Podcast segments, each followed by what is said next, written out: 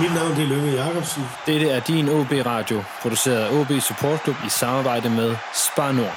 Det er Rød Aalborg. Rød Aalborg. Rød Aalborg. Rød Aalborg. Du lytter lige nu til Rød Aalborg.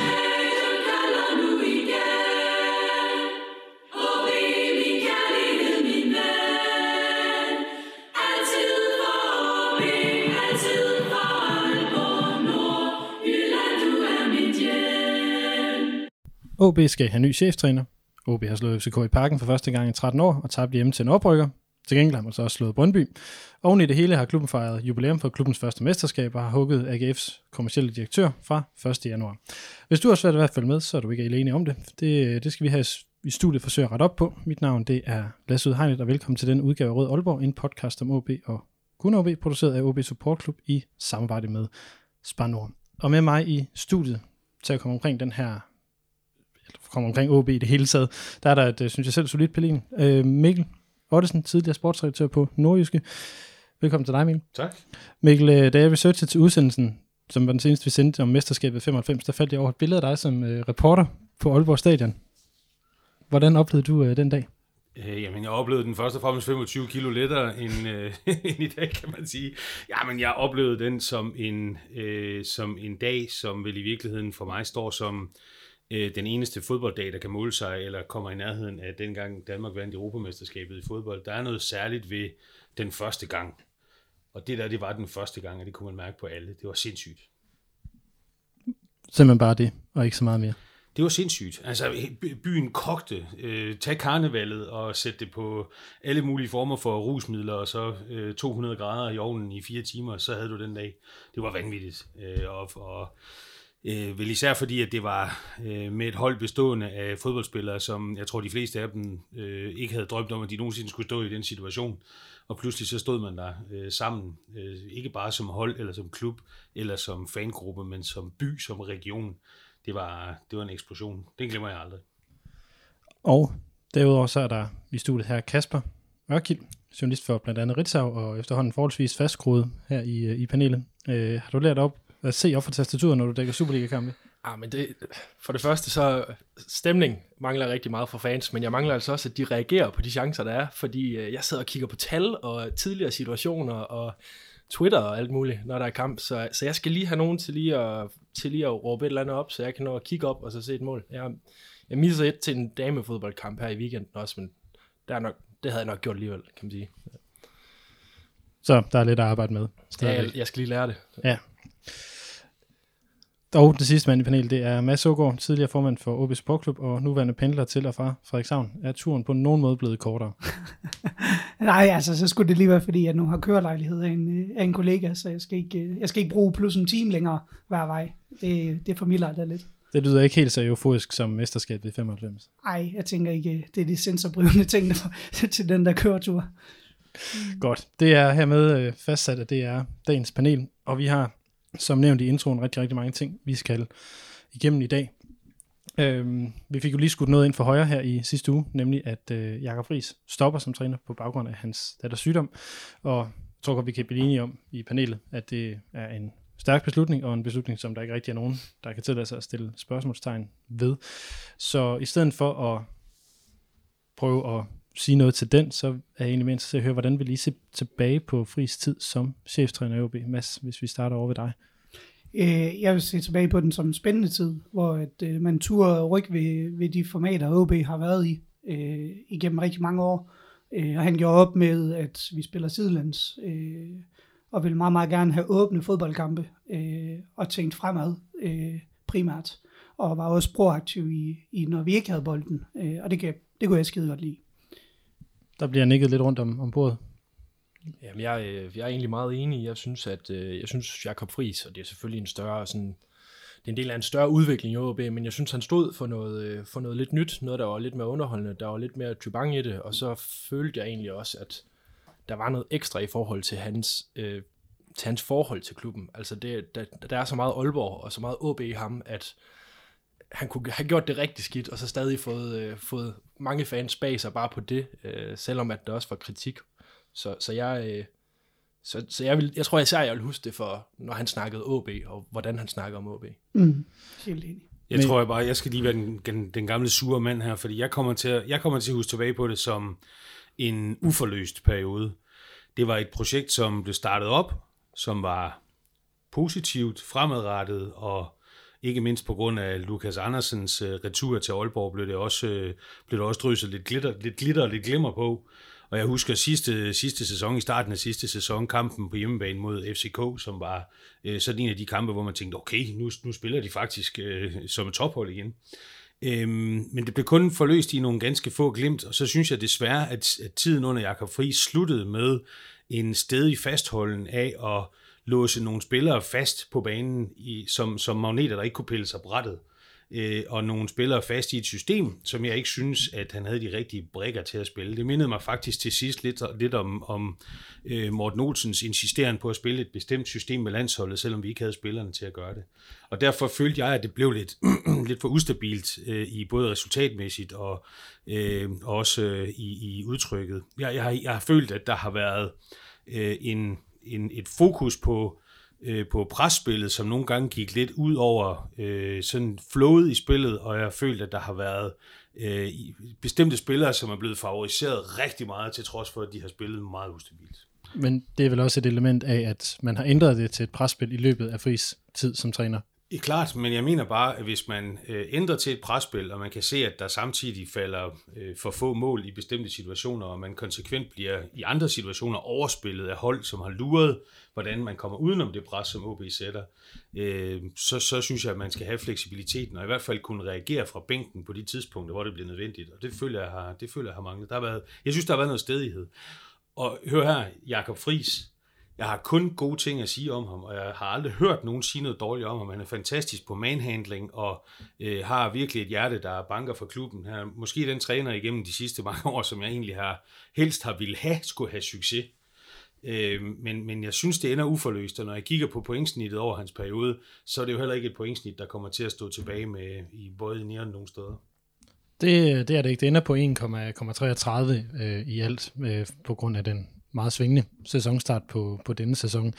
Men der var trods alt en fremgang i forhold til sidste sæsons spor. Men for lige at gå tilbage, øh, Mads, vil du ligne en, der havde noget at sige til... Øh, Ja, fordi jeg synes jo rent faktisk, at noget af det, der er lykkedes, det er netop at spille på kompetencer, spilleren har. Altså, at vi nu rent faktisk sætter øh, Jores til Lander og øh, og Granli op i situationer, hvor de absolut er bedst øh, i at takle fremad, og i øvrigt kan administrere og stå med et højt, øh, højt forsvarskæde. Det synes jeg jo er fantastisk, fordi noget af det, der var vores helt store problem, det er når nu, at øh, Jores skulle ligge med kun to dernede, hvor han skal have langt større øh, disciplineringsarbejde, øh, hvor han ikke øh, udelukkende er meget mand-mand-spiller, plus at han, øh, hans rolle i forhold til opbygningsspil, øh, kommer han bedre i, i spil i forhold til det.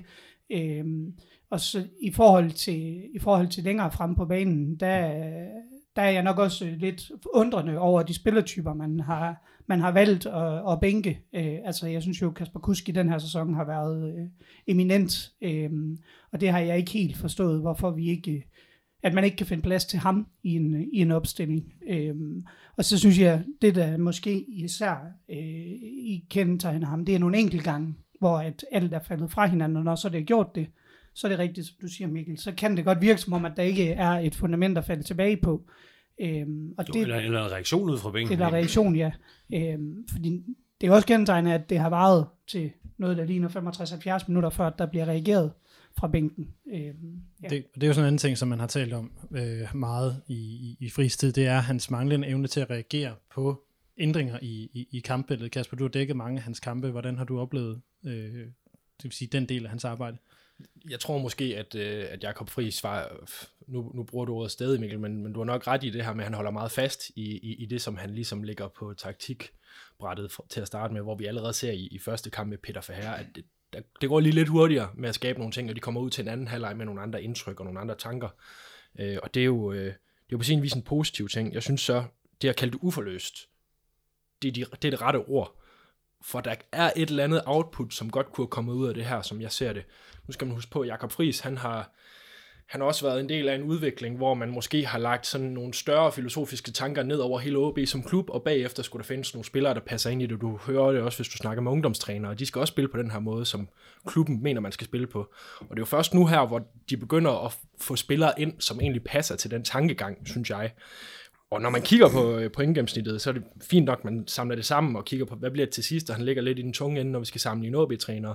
Men han har altså også en pointudvikling, som du kan sammenligne med mestertrænere. Så altså, jeg tror altså på, at det kunne have blevet til noget, hvis man havde givet ham den øh, tiltro, som jeg også tror, han har haft. Altså hvis, hvis han ligesom har kunne, kunne køre igennem på det, og, og selv personligt øh, kunne have fået til at passe ind, så tror jeg sagtens, at øh, det kunne være blevet til meget mere. Så uforløst er nok det rigtige ord, men jeg, jeg, tror, jeg har stadig min tro på, på det, han havde gang i.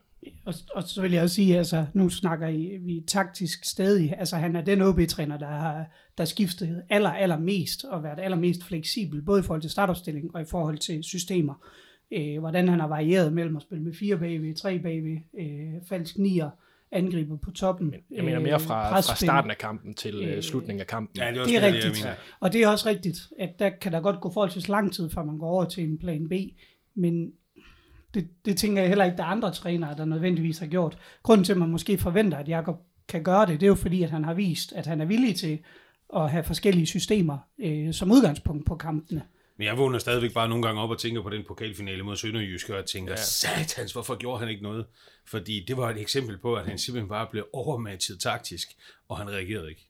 Jeg synes, mm. jeg synes det er sådan, der, skal, der er meget balance i det, for jeg husker også tilbage på sådan nogle perioder under Morten Vihorst hvor, og Lars Søndergaard, hvor man måske også blev lidt for rådvild, og, og måske øh, reagerede for meget på, hvad andre hold gjorde, end man skulle have gjort. Så det er sådan en evig balance, hvor jeg egentlig godt kunne lide, at Feher, han, han agerer lidt hurtigere, men vi har også før set trænere, der måske øh, agerede lidt for meget på andre hold. Men, men jeg bliver nødt til at sige, at Jacob har altså også skiftet to i pausen før i fodboldkampe. Ja. Øh, så, så det er jo ikke, fordi han ikke han ikke kan den del. Det er ikke bare dem, du skifter, men, det er også, men, hvad, hvad der sker på banen. Jeg er enig med dig øh, i forhold til det, fordi går du i den anden grøft, så kan det også være farligt. Altså har man, ikke lavet, en terror, har, man, har man ikke lavet en terrorudskiftning efter 17 minutter, så har man ikke været Nej, lige nøjagtigt. Og, det, og det, det skræmmende eksempel på, når du virkelig sætter dig op til, hvad modstanderen også gør mod dig, det er jo, øh, at øh, vi brugte Holgersen som defensiv midtbane en gang. Altså, og det er, jo, det er jo virkelig, hvor man kan sige, så du kan gå i begge grøfter, fordi jeg er fuldstændig enig i, at han nogle gange virkelig virker som om, så gør der jo et eller andet, fordi det fungerer bare slet ikke. Altså, øh, kampen mod Vejle, der kan du godt gøre noget Ap- meget apropos, apropos terrorudskiftninger, som jo virkelig, synes jeg netop understreger hele den her pointe, at mm. der er en Vejle-træner, der, der ser, ja, det altså, vi bliver mødt af her, det har vi ikke en chance mod. Vi laver en meget resolut ændring, ja. og så sidder Vejle faktisk altså, på det, det derfra. Det, man skal huske på, og passe på med at sammenligne nu her, det er, at han har fem udskiftninger i øjeblikket. Vi ved ikke, hvordan det står, hvis du har tre fordi der er du altså lidt mere bundet på din uh, Men de har jo begge to fem. Ja, ja, men det er det, jeg mener med at sige, at, at nu han er villig til at gøre det. Øh, fordi jeg er slet ikke i tvivl om, havde vi en, der spillede så dårligt, så kunne vi nok også godt finde på at gøre det. Men der, der er kritik i begge ender, og det, ja. det, ja, det er heller ikke, fordi jeg så... sidder og synes, at han er, er for stedig, men det er jo måske lidt det, der er blevet lagt hen over OB, og den måde, de skal spille på, øh, kunne måske også godt være lidt begrænsende nogle gange, og han ja. har jo været med til at udvikle øh, den filosofi også. Så. Helt bestemt, ja. og det, det er jo altid det, der er udfordringen. Det er jo, når nu du bliver ultimativ på nogle ting, så gør det det jo farligt i forhold til dem, der rent faktisk læser dig på de ting. Øh, og man kan sige, Jacob er jo meget, meget konsekvens i, at presspil og genpres og hurtigt søgen mod mål, øh, var, var virkelig nogle af de ting, øh, han gerne ville excellere på i, i OB. Øh, og det gør jo så, at som du siger Mikkel, hvis man så ikke lykkes med det, jamen så kommer du også bare til at se, se dårligt ud. Den næste ting, jeg tænker på i forhold til, til det her med fris, det er, at øh, nu stod der et banner på stadion i går, der, som stod, at vi, tak for, at du gav os drømmene tilbage. Nu kigger jeg lige op på dig, Kasper. Øh, hvordan har du oplevet sådan fornemmelsen omkring holdet i de sidste år. Nu har jeg sagt uforløst, øh, nærmest alle tre, som ligger der lidt i det med, at man har tur drømme lidt igen med fri som træner. Der har været noget i det, i det spilmæssige, som jeg egentlig, øh, som jeg egentlig synes har været rigtig positivt. Altså, øh, det var sådan lidt mere ivrig øh, spillestil, og der har, været, der har været lidt mere vilje i det, synes jeg. Og så ligger der jo også mange flere ting i det, end det Jakob Friis sidder og gør. Altså, vi er, jo, vi er jo inde i en periode nu, hvor de begynder at sigte lidt højere efter, skal det være top 6, eller skal det være medaljer, og så kan man have mange meninger om, hvor realistisk og, og, hvor, og, og hvor dumdristigt det er at melde sig noget ud. Men, men det er jo, sådan, det er jo klubben, der er inde i en sådan en større opbyggelse, og det kommer også ind på omkring sådan setup'et uden for banen øh, senere, hvor at Jakob Friis har, har været en del af det. Øh, men, men jeg synes helt klart, at det har været mere seværdigt, og man har haft flere af de der momenter, hvor man tænkte, den der FCK-kamp, så man jo tænkt, det, kan, kan det godt blive til medaljer det her, så ved man godt, at mange kunne se gode ud mod FCK i sådan en kamp der. Men man får den lige op i hovedet, og så får den dæmpet lidt af ens øh, nordjyske beskedenhed nogle gange. Øh, mere end, end når jeg husker tilbage på sådan noget som, øh, som Vihorst og, og Søndergaard. Se Mikkel, du har, du har set jeg sad lige og tænkte på, om jeg kunne regne ud, hvor mange træner du har set komme og gå i OB. Det har været mange. Det kan jeg ikke engang selv regne Nej, det er en del efterhånden, men du har set også øh, flere opbygninger, altså flere af de her træner, der har siddet i fire år, har bygget ting op. Hvilken fornemmelse har du siddet med i forhold til Fritz, altså i forhold til, til det der, hvor han var nået til i sit projekt? Altså, jeg må være ærlig og sige, at jeg, jeg sad hverken med en øh, øh, øh Bakke eller en, en Hamren eller en Ken Nielsen-føling endnu. Men det har jo altså også taget de her øh, kurveforløb på, på 3-4 år, før at det ligesom er toppet for, for de her, øh, som er kommet ind og har ændret noget og gjort noget øh, nyt og forsøgt at, at skabe det her mesterhold. Jeg ved ikke, om det kunne have blevet til det, men jeg tror, at øh, OB øh, kunne have vundet den pokal imod Sønderjyske, øh, og jeg tror også, at OB kunne have kommet øh, op i den sjove ende af ligaen i år. Og hvor langt det så ligesom kunne strække og række, det tror jeg handler om mange andre ting, end lige hvem der sidder på cheftrænerposten. Mm. Øhm, hvad køber man ind? Hvem, bliver, hvem forsvinder, fordi der kommer et alt for godt bud? Øh, hvem bliver skadet på nøgleøjeblikke og så videre, fordi det kræver sgu også noget held. Men jeg vil sige det sådan, at var, var de ikke kommet i pokalfinalen sidste år, altså havde de ikke spillet den der øh, fremragende semifinale mod AGF og kommet i den øh, pokalfinale, og de ikke haft den slutspurt, som de havde i, i, i medaljeslutspillet sidste år, så havde jeg siddet med en anden øh, fornemmelse. Så havde jeg siddet med fornemmelsen, at jeg kun lige havde set muldvarpen stikke hovedet op af jorden. Fordi jeg, nu vender jeg lige tilbage til den FCK-kamp igen øh, i starten af sidste sæson, hvor de simpelthen spillede fantastisk, og der så jeg hele tegningen. Jeg kunne se hele layoutet og ruten og planen og ud over stepperne og så faldt det sådan fra hinanden over de næste kampe. Ikke, ikke lige med det samme, der var faktisk en god periode lige der, men efterfølgende så faldt det fra hinanden hen over tid, øh, uden jeg sådan umiddelbart kunne sætte fingeren på, hvorfor. Øh, og det var, det var en tidligere top, end jeg havde set med nogle af de andre trænere. Der, der spillede de faktisk nogle, et par dårlige sæsoner først, før det begyndte at se godt ud. Så jeg tror, materialet var der, men hvor langt det kunne have, have båret, det, det ved jeg sgu ikke. Og vi finder jo heller aldrig ud af det. Men jeg tror, Jakob Friis vender tilbage, ikke nødvendigvis til OB. Jeg tror, han vender tilbage til fodbolden på et tidspunkt og måske også kommer tilbage med et andet øh, mindset, fordi når man træder et skridt tilbage fra noget, og kigger på, hvad man har gjort, og hvad der øh, skulle have været gjort på bestemte tidspunkter, så kommer man sgu også tilbage med en, en justeret måde at gøre tingene på, og ikke i tvivl om, at han har fodboldforstanden og personligheden til at drive det til noget virkelig godt, øh, for, for om det så bliver OB eller en anden klub. Det er jeg ret sikker på. Og Mads, når du så sidder der, eller når du hører, hvad Mikkel siger her, er det så et billede af, at, at Friis jo har været det lyder meget forkert at sige heldig med at gå på den måde, han er gået på, men han har jo fået lov til at lade tvivlen komme ham til gode. Det er jo ikke en fyring, hvor man har givet op på manden. Tværtimod er det jo, at vi sidder med det her. Dammit. Det, Ja, vi har altså, ikke set det. Jeg tror, jeg tror, det blev sagt i starten, jeg tror, det var dig, Mikkel, der sagde det, at øh, Jakob Friis har jo OB-DNA fuldstændig inde i, øh, hvad hedder det, øh, inde i knoglerne, og det, det er virkelig det, der gennemsyrer ham, og det er også derfor, at snoren for ham ville også, øh, håber jeg, blandt øh, mine ligesindede have været længere, øh, fordi du vil så gerne se ham lykkes i, øh, i Aalborg, fordi han brænder bare for den klub, og han, du kan mærke det helt ud gennem fingerspidserne på ham, og at han er så passioneret øh, omkring fodbold, at han tænker det, øh, som Paul Erik, øh, fra han står op til han går i seng nærmest, altså, øh, og det kan du mærke, at han bare skinner igennem. Øhm, så jeg, jeg tror på, at, øh, at Jakob, Jakob har, fået, har et kanon eftermæle i forhold til, til OB-fansen og kærligheden fra dem af. Øh, og det er ikke udelukkende på grund af, at OB har spillet øh, champagnefodbold hele vejen igennem. Det er lige så meget på grund af den historie, Jakob i sig selv er. Øh, og den måde, han er kommet, kommet op gennem klubben på, og man kan identificere sig med ham. Øh, og han, han var aldrig for fri, fin til øh, det tror jeg, det er han jo stadigvæk ikke, kan man sige, øh, og tage en snak med, med dem, der kommer hans vej. Øh, så så han, er, han er helt sikkert en mand, der, der vil blive savnet i omkring OB, øh, og som vil have en, et stort hjerte for OB-fans. Øh, og jeg håber at den dag, han, han måtte have, have energien til det igen, og hans øh, datter er blevet rask, at der er en plads til ham i OB. Øh, om det er som cheftræner, eller om det er i en anden rolle. Øh, jeg kunne også godt over tid se ham som, øh, som sportslig ansvarlig, hvis en gang der skal skiftes ud på den position øh, i OB. Ja, jeg sidder lidt med nogle af de samme tanker, øh, og det er sådan lidt hybris, men jeg har også skrevet Paul Erik på. Øh, men det er mere i det her med, at der er noget, der er noget DNA, øh, og der, der er ligesom noget, hvor han virkelig hænger sammen med klubben. Og så synes jeg jo også, at Jakob Frises forser ligger på det taktiske, og på de lidt større tanker. Altså, så, den meget af den kritik, man også sidder med, det er jo ligesom under kampene, og hvad der bliver gjort der og sådan noget. Så jeg kunne godt have set ham gå, gå en vej, der går hen mod noget øh, fodboldchef, sportligt, sportsligt ansvarlig, men også, også det bare mennesket øh, passer rigtig godt ind i nogle af de ting. Altså noget af det, som jeg vil huske Jakob Friis for, det er, når jeg har stået til en OB-træning, og der har stået en eller anden helt tilfældig øh, familiefar med, med to børn, der har stået og set en træning, og så, så han går hen og snakker fodbold med vedkommende.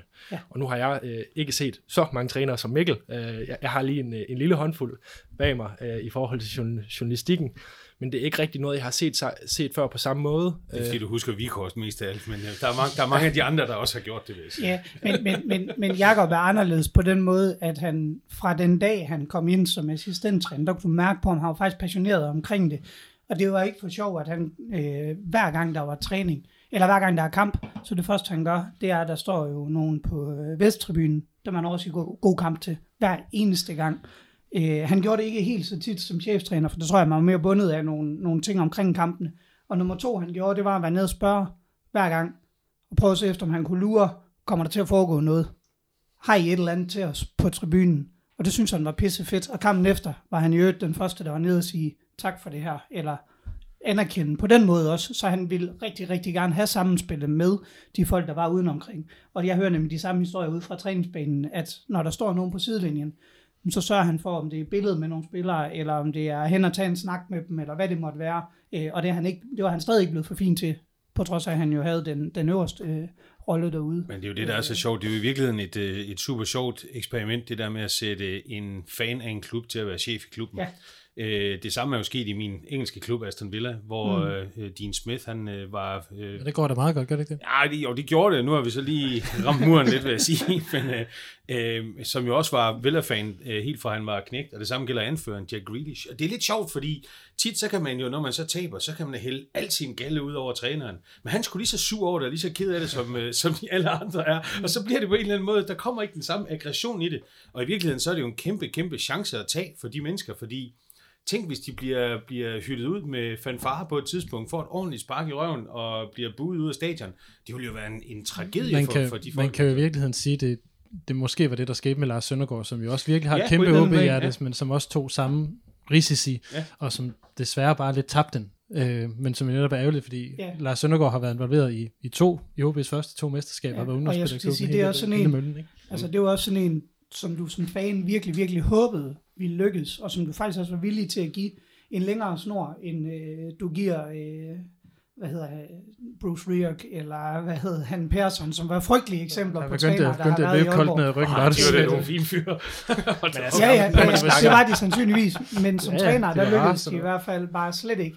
Øh, men havde de nu haft OB-DNA, hvordan havde vi så reageret på? Havde vi givet dem en længere, længere snor for at forsøge at lykkes? Altså, det er svært at sige sådan noget, fordi det har bare en betydning, når man skal identificere sig med den klub, man holder med at den, der står nede på sidelinjen, han har, han har faktisk den samme passion for den her klub, som du har. Det er ikke en, der nødvendigvis kommer ind og er der i tre år, og så vil han i øvrigt øh, gerne videre. Øh, han har sådan set været der i 30 år. Og kudos for, at du lige finder de to grimmeste ællinger ja, fra hele kuldet frem der. Ja, jeg ved godt, at jeg var langt, langt ud af hen. Ja, det gjorde, det der gjorde. Også, der, der er også nogle forskellige ting i det, synes jeg. For, for sådan en som, som Lars Søndergaard var også helt, der var helt sikkert noget DNA og noget passion i det, men han var også bare blevet udviklet til cheftræner inden, ikke? Øh, og, øh, og der er vel også noget risiko i, som fodboldmand, som jeg går ud fra, Jakob Friis, han fortsat gerne vil leve af fodbold, er at erklære de følelser, han har for klubben. Altså han kan jo sagt, du kan sagtens sidde og kigge på, at han har været i klubben i så mange år, men han var så åben omkring det i forhold til, at der er en anden klub, der skal samle ham op og bruge ham og sådan noget. Altså, altså det tror jeg ikke alle vil ture, selvom at det, det er noget, man som, øh, som fodboldfan virkelig sådan værdsætter. Men, men det tror jeg faktisk ikke er hans ulempe jeg tror godt, det kan blive hans styrke, fordi at han har faktisk bevist, at han samtidig også kan ja, være professionel. Helt enig. Øh, og, og personligt, så hvis det var et problem, så, øh, så ville du jo have haft en ansættelse som Morten Vihorst i Aalborg, øh, Kent Nielsen i Aalborg. Altså, Øh, Jeg tænker, heller, jeg tænker heller ikke som, som fans, men så Nej, også nej, mere men- dem, der men- sidder, altså det, Ja, det der er med, at det er erklæret for Lars Søndergaard, helt sikkert, det var der også, og der kunne du også se det sort på hvidt, men det var ikke så erklæret som nej, nej. Jakob Og Friis. Det, det er vi fuldstændig Han- enige om, men, men jeg tror ikke, jeg tror ikke nødvendigvis heller på, øh, på ledelsesgangen, overhovedet ikke på ledelsesgangen, at det har nogen betydning. Fordi når du ansætter sit job, så lever du fuldstændig Det tror jeg heller ikke betyder noget. Jeg tror, der er mange trænere, der vil tænke i, hvad de står og siger, i forhold til at binde sig op på det alligevel. Det kan sagtens tænkes. Jamen, fodbold er jo blevet sådan en verden af sådan noget øh, lommediplomati, hvor man ikke må sige, hvad man føler, hvad man mener, hvad man tænker. Jeg tror, sgu, jeg tror kun, det kan falde godt tilbage på folk, at de viser nogle følelser. Om det er nemlig, det, Det tror jeg. Ja, det jeg også mener, det er, at det er befriende. Ja. Øh, for øh, nu, nu står jeg i mixzone uge på uge, og det er bare sjældent, sjældent du finder følelser. Og det er jo der, hvor man begynder at øh, finde de spillere, hvor du kan hvor du kan finde nogle følelser. Altså, jeg, jeg Ja. vidste da godt, at noget vi havde tabt, så skulle jeg snakke med Kasper Risgaard, fordi der var bare følelser over det hele. øh, og, Også når de havde vundet. altså, det, det, nej, det er jo rigtig godt, når de havde tabt. Han var så sur. Han var så ikke sur, og jeg elskede det. Øh, fordi der, der, han sagde jo, hvad han mente der. Og der er så mange nordjyske drenge, der står og kigger ned i fødderne og mumler lidt, uanset hvad der er sket. Så der mangler bare nogle gange noget, nogle følelser fra de folk, og det havde Jakob Friis virkelig. Jeg plejede faktisk, da, da Jimmy Nielsen i sin tid var øh, anfører på holdet, hvis de havde tabt, så plejede jeg faktisk at lade være med at stille et spørgsmål, men bare at stikke mikrofonen op i hovedet af ham. Og så sagde han altid, åh, satan, mand. det var de første ting, der kom ud af hovedet. Det er også det mest opergentiske, man kan sige i en situation, man er utilfreds. Jeg, jeg tænker, vi skal i hvert fald lade, lade Jacob øh, hvile her. Vi vil lige, også lige tilføje på det menneskelige plan, at øh, jeg har også personligt kun haft nogle gode øh, oplevelse med Jakob Fik en, skrev selvfølgelig til ham stor respekt for hans beslutning, og ønsker ham alt held og lykke. Og fik et par dage efter en besked, der, der osede mere overskud, end jeg selv havde givet ham, og det er sådan lidt, det kan jo simpelthen ikke være bekendt at have så meget overskud i den her situation. Så alt godt øh, til dig, Jakob, hvis du lytter med her. Du har en, til hver tid en invitation til at komme tilbage, når der er tid og overskud til det igen. Så lad os prøve at kigge på, hvem der skal sætte sig i det her sæde. Og jeg har sendt jer nogle lister, som vi nok ikke kommer til at snakke om, fordi vi nok er enige om, at der nok ikke er nogen på de lister, som der er blevet nævnt rundt omkring i diverse medier, som det bliver, øh, der sætter sig i det her sæde. I stedet for, så vil jeg forholde mig til den liste af trænere, jeg sendte til jer, som Inger Andolsen havde hentet til Starbæk. For der er jo lidt ligesom det her transfervindue, rigtig mange blandede bolcher fra næsten hvert kontinent.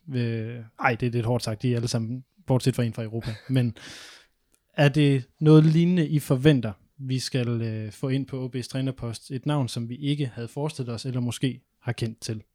Jeg tror ikke, at der er mange, der kommer til at sige navnet, før, før vi ser det på skrift. Øh, ja, det er derfor, det er så svært at sidde og... Morientes? Ja, der, der er du virkelig... Øh, du vil gerne have øh, nogle spanske, dig, nogle spanske folk ind i klubben, ikke? Var det dig, der breakede den? Nej, nej, nej, nej. nej. Det, Lasse, han bliver ved med at nævne spanske træner. Du har et eller andet... Øh, Ej, men det, det, er, det er fordi, at jeg har tænkt, at hvis der var en, der gik i den, i den danske andedam, som kunne være relevant, så ville det være den nuværende U21-landstræner Albert Capellas, som spillemæssigt passer ind i det, som man vil i OB. Øh, derudover så har jeg ikke yderligere øh, hvad hedder det, præferencer for, for Spanien, bortset fra, at jeg kan tale med dem. Jeg, øh, jeg, jeg tror, det, det er svært at sige noget om. Nu kan du også se, det, det er lidt til højre og venstre i forhold til, hvad han har fået ind i, i Starbæk. Det er i hvert fald ikke... Øh, altså, de, norske trænere fylder jo ikke så meget deri, som man måske ville se i en, øh, i en norsk klub, øh, typisk. Og jeg har også... Øh, jeg har skrevet det på min liste, at det nok er mere øh, det netværk, han sidder inde med i forhold til, hvad vi tidligere har set i andre klubber. Altså, det virker til, at han er en mand, der, der, der snakker med mange mennesker og har og ligesom har ørerne ude mange steder, og det der med at sidde, og- sidde og gætte på det, det er altid svært, Øh, og jeg, jeg, jeg fnyser også øh, af mange, der, der foreslår alt muligt, men altså, de kan have lige så ret i det, som jeg har ret i noget. Øh, Jeg synes så til gengæld, når jeg sidder og kigger på, på de udtalelser, der har været, og det synes jeg egentlig er fint, at han i hvert fald øh, åbnede døren lidt på klem i forhold til Faher. Altså, altså, hvis han vinder fodboldkampe, så sælger han sig selv godt. Øh, og så kan vi altid snakke om, hvilken, hvilken type Faher er. Øh, nu snakkede jeg med ham i går, og det var da tydeligt, at han havde ikke noget problem med at stå dernede, øh, selvom man måske ser ham som den her øh, first team coach. Han har også været tidligere chef i Helsingør, skal vi jo huske. Ja, han har jo i hvert fald vist ambitioner i cheftræner retningen, indtil han, han mistede det job. Og jeg synes jo egentlig, at han, øh, han, han virker som en type, der sagtens kan stå i det, men altså, det er svært at sige. Øh, jeg tror godt, han kunne få chancen, hvis han gør det rigtig, rigtig godt, men øh, jeg tror også, der er en, en lang liste et eller andet sted ude på Hornevej på et kontor. Jeg har simpelthen ikke noget bud. det er bare for at sige det som det er. Jeg ja. tror ikke, nogen af os kommer til at gætte rigtigt. Jeg tror, der kommer øh, en træner, som er blevet scoutet efter øh, sine egenskaber, øh, scoutet efter øh, sine arbejdsmetoder, scoutet efter øh, dybest set data, hvis man kan sige det på den måde. Så, Så- hvis, så du- hvis de kan sætte data på det, så Ja. tror jeg, de gør det. Så Ja. du forventer med andre ord ikke, at Kasper han fremadrettet kan bruge de træk i mixzone, gå hen til en, en høj mand med hvidt hår, og så, så bare stikke mikrofonen frem, og så få et åh, sat med Hvis det, hvis det er en del af datasættet, så kan det godt være, at man kan. Men altså, øh, jeg, jeg, jeg tror, det kommer til at handle meget om at finde øh, ikke så meget et, øh, et navn, eller en, der nødvendigvis har nogle resultater øh, i bagagen, men mere en, der har nogle arbejdsmetoder og en villighed til at arbejde efter sådan en fælles snor og et fælles træk i en klub. Øh, det er jo lidt ligesom, når vi faktisk har set øh, DBU udpege øh, trænere på lavere niveau end A, så har vi jo set dem nogle gange hente nogle folk ind, hvor man har tænkt, okay, det var en, en besynderlig ud, øh, udnævnelse, den der. Men Hvem de har, tænker du på her? jamen, jeg tænker på, når de har hentet øh, både altså U21-landstrænere ind, og de har, de, de har hentet folk ind, som jeg ikke, som jeg ikke umiddelbart tænkte, det måtte være en favorit til at komme ind og være den nye Du må U21. gerne tale til mikrofonen, det er folk, der skal høre dig, ikke mig. Nå, nej, undskyld, det er fordi, så flytter jeg lige mikrofonen det er fint. øhm, men de er jo også blevet castet efter, at de skal ligesom kunne passe ind i organisationen. De skal kunne øh, bidrage med, med det i organisationen, som klubben vil have. Og det er jo helt tydeligt, at OB er i en øh, situation lige nu, hvor man gerne vil, øh, at, at, at, at man skal følge en strategi. Og derfor så skal man bruge en træner, der vil følge en strategi. Også en spillemæssig strategi.